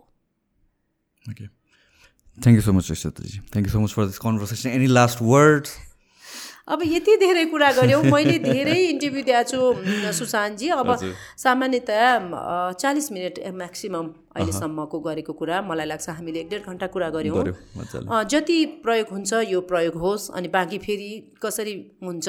र तपाईँले अहिले सुरु गरेको मलाई यो चाहिँ पब्लिकली युथहरूलाई सम्बोधन गरेरै भन्न मन लागेको चाहिँ गुनासो मात्रै गर्ने होइन हामीले। गुनासो गर्ने होइन। गुनासो सँगसँगै समाधानका उपाय आफूले के जानेको छ त्यो पनि सँगै लिएर आउने हो। तपाईँले चाहिँ नि आफू जस्तो युवाहरूलाई सचेत बनाउने आफ्नो पेसा व्यवसाय एउटा तपाईँको छँदैछ। त्यो भन्दा साइड जबको रूपमा हो नि त यो त। यो नै तपाईँको ह्यान्ड टु माउथ त होइन। यस यो जुन अवेर बनाउनका निम्ति लिएर आउनुभएको छ यो चाहिँ नि धेरैभन्दा धेरै युथहरूमा जाओस्। र यसले चाहिँ नि कम्तीमा आजको हाम्रो कन्भर्सेसनमा हामीले थाहा पाउनुपर्ने कुराको बारे चर्चा गऱ्यौँ। यसमा चाहिँ अझै खोजी नीति गरेर वेबसाइटहरू छन् अहिले त सजिलो छ समुद्र जस्तो चाहिँ संसार सञ्जाल छ। त्यो समुद्रमा जत्रो भाँडो तपाईँ लिएर जानुहुन्छ त्यत्रै पानी उगाएर ल्याउने हो। त्यो हिसाबले चाहिँ धेरै इन्फर्मेसनहरू इन्टरनेटभित्र त्यहाँ हाम्रो वेबसाइटहरूमा छन् सरकारी निकायमा छन्। त्यहाँभित्र गएर गलत कुन हो सही कुन हो छुट्टाएर प्रश्न गर्ने बानी बसालौँ। र तपाईँले जुन यो अभियान राख्नुभएको छ यो चाहिँ नि अझ अझ म्यासिभ रूपमा जाओस् अझ युथहरूमा जाओस् र तपाईँले एउटा सेन्सिटाइज चाहिँ नि सोसाइटी क्रिएट गर्न सक्नुहोस् थ्रु योर मिडियम र युवाले प्रश्न गर्ने बानी बसाल्न सकौँ। र यसको चाहिँ नि हामी कहाँ अर्को अर्को एउटा नभएको तपाईँले गर्न सक्नुहुन्छ भने चाहिँ सधैँ मलाई खड्किने यो यो कुरा तपाईँले बाहिर त पठाउनुहुन्छ तर पठाएपछि के भयो भन्ने कुनै हाम्रो चाहिँ रिसर्च बेस वर्क छैन। अब तपाईँको लिमिट रिसर्चका आधारमा आफ्नो आफ्नो खल्तीको आधारमा चलेको चिजमा त्यो कतिको सम्भव छ? भोलि तपाईँको टिम बन्ला त्यसमा चाहिने आइडियाहरू आउलान् र त्यो गर्न सकियो भने चाहिँ तपाईँले एउटा चिज पठाउनु भयो अनि त्यहाँ त्यहाँ च्यानलाइज भएर गयो। सुनेपछि कसैको जीवनमा परिवर्तन आयो कि आएन? कोही यस्तो पात्र भेटाउनुहोस् कि तपाईँको प्रोग्राम सुनेपछि त मलाई यस्तो परिवर्तन आयो नि दिमागमा। ए यसो गर्न सकेँ नि भन्ने कोही पात्र भेट्नु भएछ र उनलाई फेरि यहीँ यसरी नै यो कुर्सीमा बसाएर प्रश्न गर्न सो सोध्नु भएछ सक्नु भएछ भने चाहिँ नि अझ यसको ठुलो सफलता हो भन्ने मलाई लाग्छ। र तपाईँको कार्यक्रम चाहिँ यो अलिकति नयाँ खालको कार्यक्रममा मैले आज अन्तर्वार्ता दिएँ। हामीले एकदम इन्फर्मल कुराकानी गऱ्यौँ। जसले के भनिन्छ सामान्यतया पत्रकारितामा भने सुशान्तजी? जस्तो प्रश्न गर्यो त्यस्तै जवाफ आउँछ भनिन्छ। तपाईँले चाहिँ मलाई प्रश्न गर्नुको साटो यसरी मलाई फ ओपन हुन दिनुभयो। मेरो चाहिँ धेरै यो यसरी म बोल्नुपर्ने। अनि तपाईँले चाहिँ पुरापुर त्यो समय मलाई दिएको कारण मैले तपाईँले सोधे भन्दा बढी नै कुरा पनि गरेँ जस्तो लाग्छ। त्यसलाई फेरि हामी अर्को पटक कसरी यसलाई मोर व्यवहारिक बनाउने? दिस इज पर्फेक्ट यस्तै हुनु पऱ्यो नि यस्तै हो। मैले तपाईँलाई बोल्नलाई नै बोलाएको होइन मैले बोलेर खाइदिनु त कुरै भएन। सो हामीले आज एक सरो कुरा गऱ्यौँ म अब तपाईँको नियमित चाहिने यो दर्शक बन्छु र यसमा चाहिँ अरू अरू सेक्टरकोले कसरी के गर्नुहुन्छ त्यो पनि कुरा आएपछि फेरि हामी छलफल गरौँला। मलाई चाहिँ नि यसरी मेरो सबै सबै किसिमको कुरा राख्ने जुन अवसर दिनुभयो त्यसका निम्ति यहाँलाई चाहिँ म हार्दिक धन्यवाद दिन्छु। हार्दिक धन्यवाद। Thank so much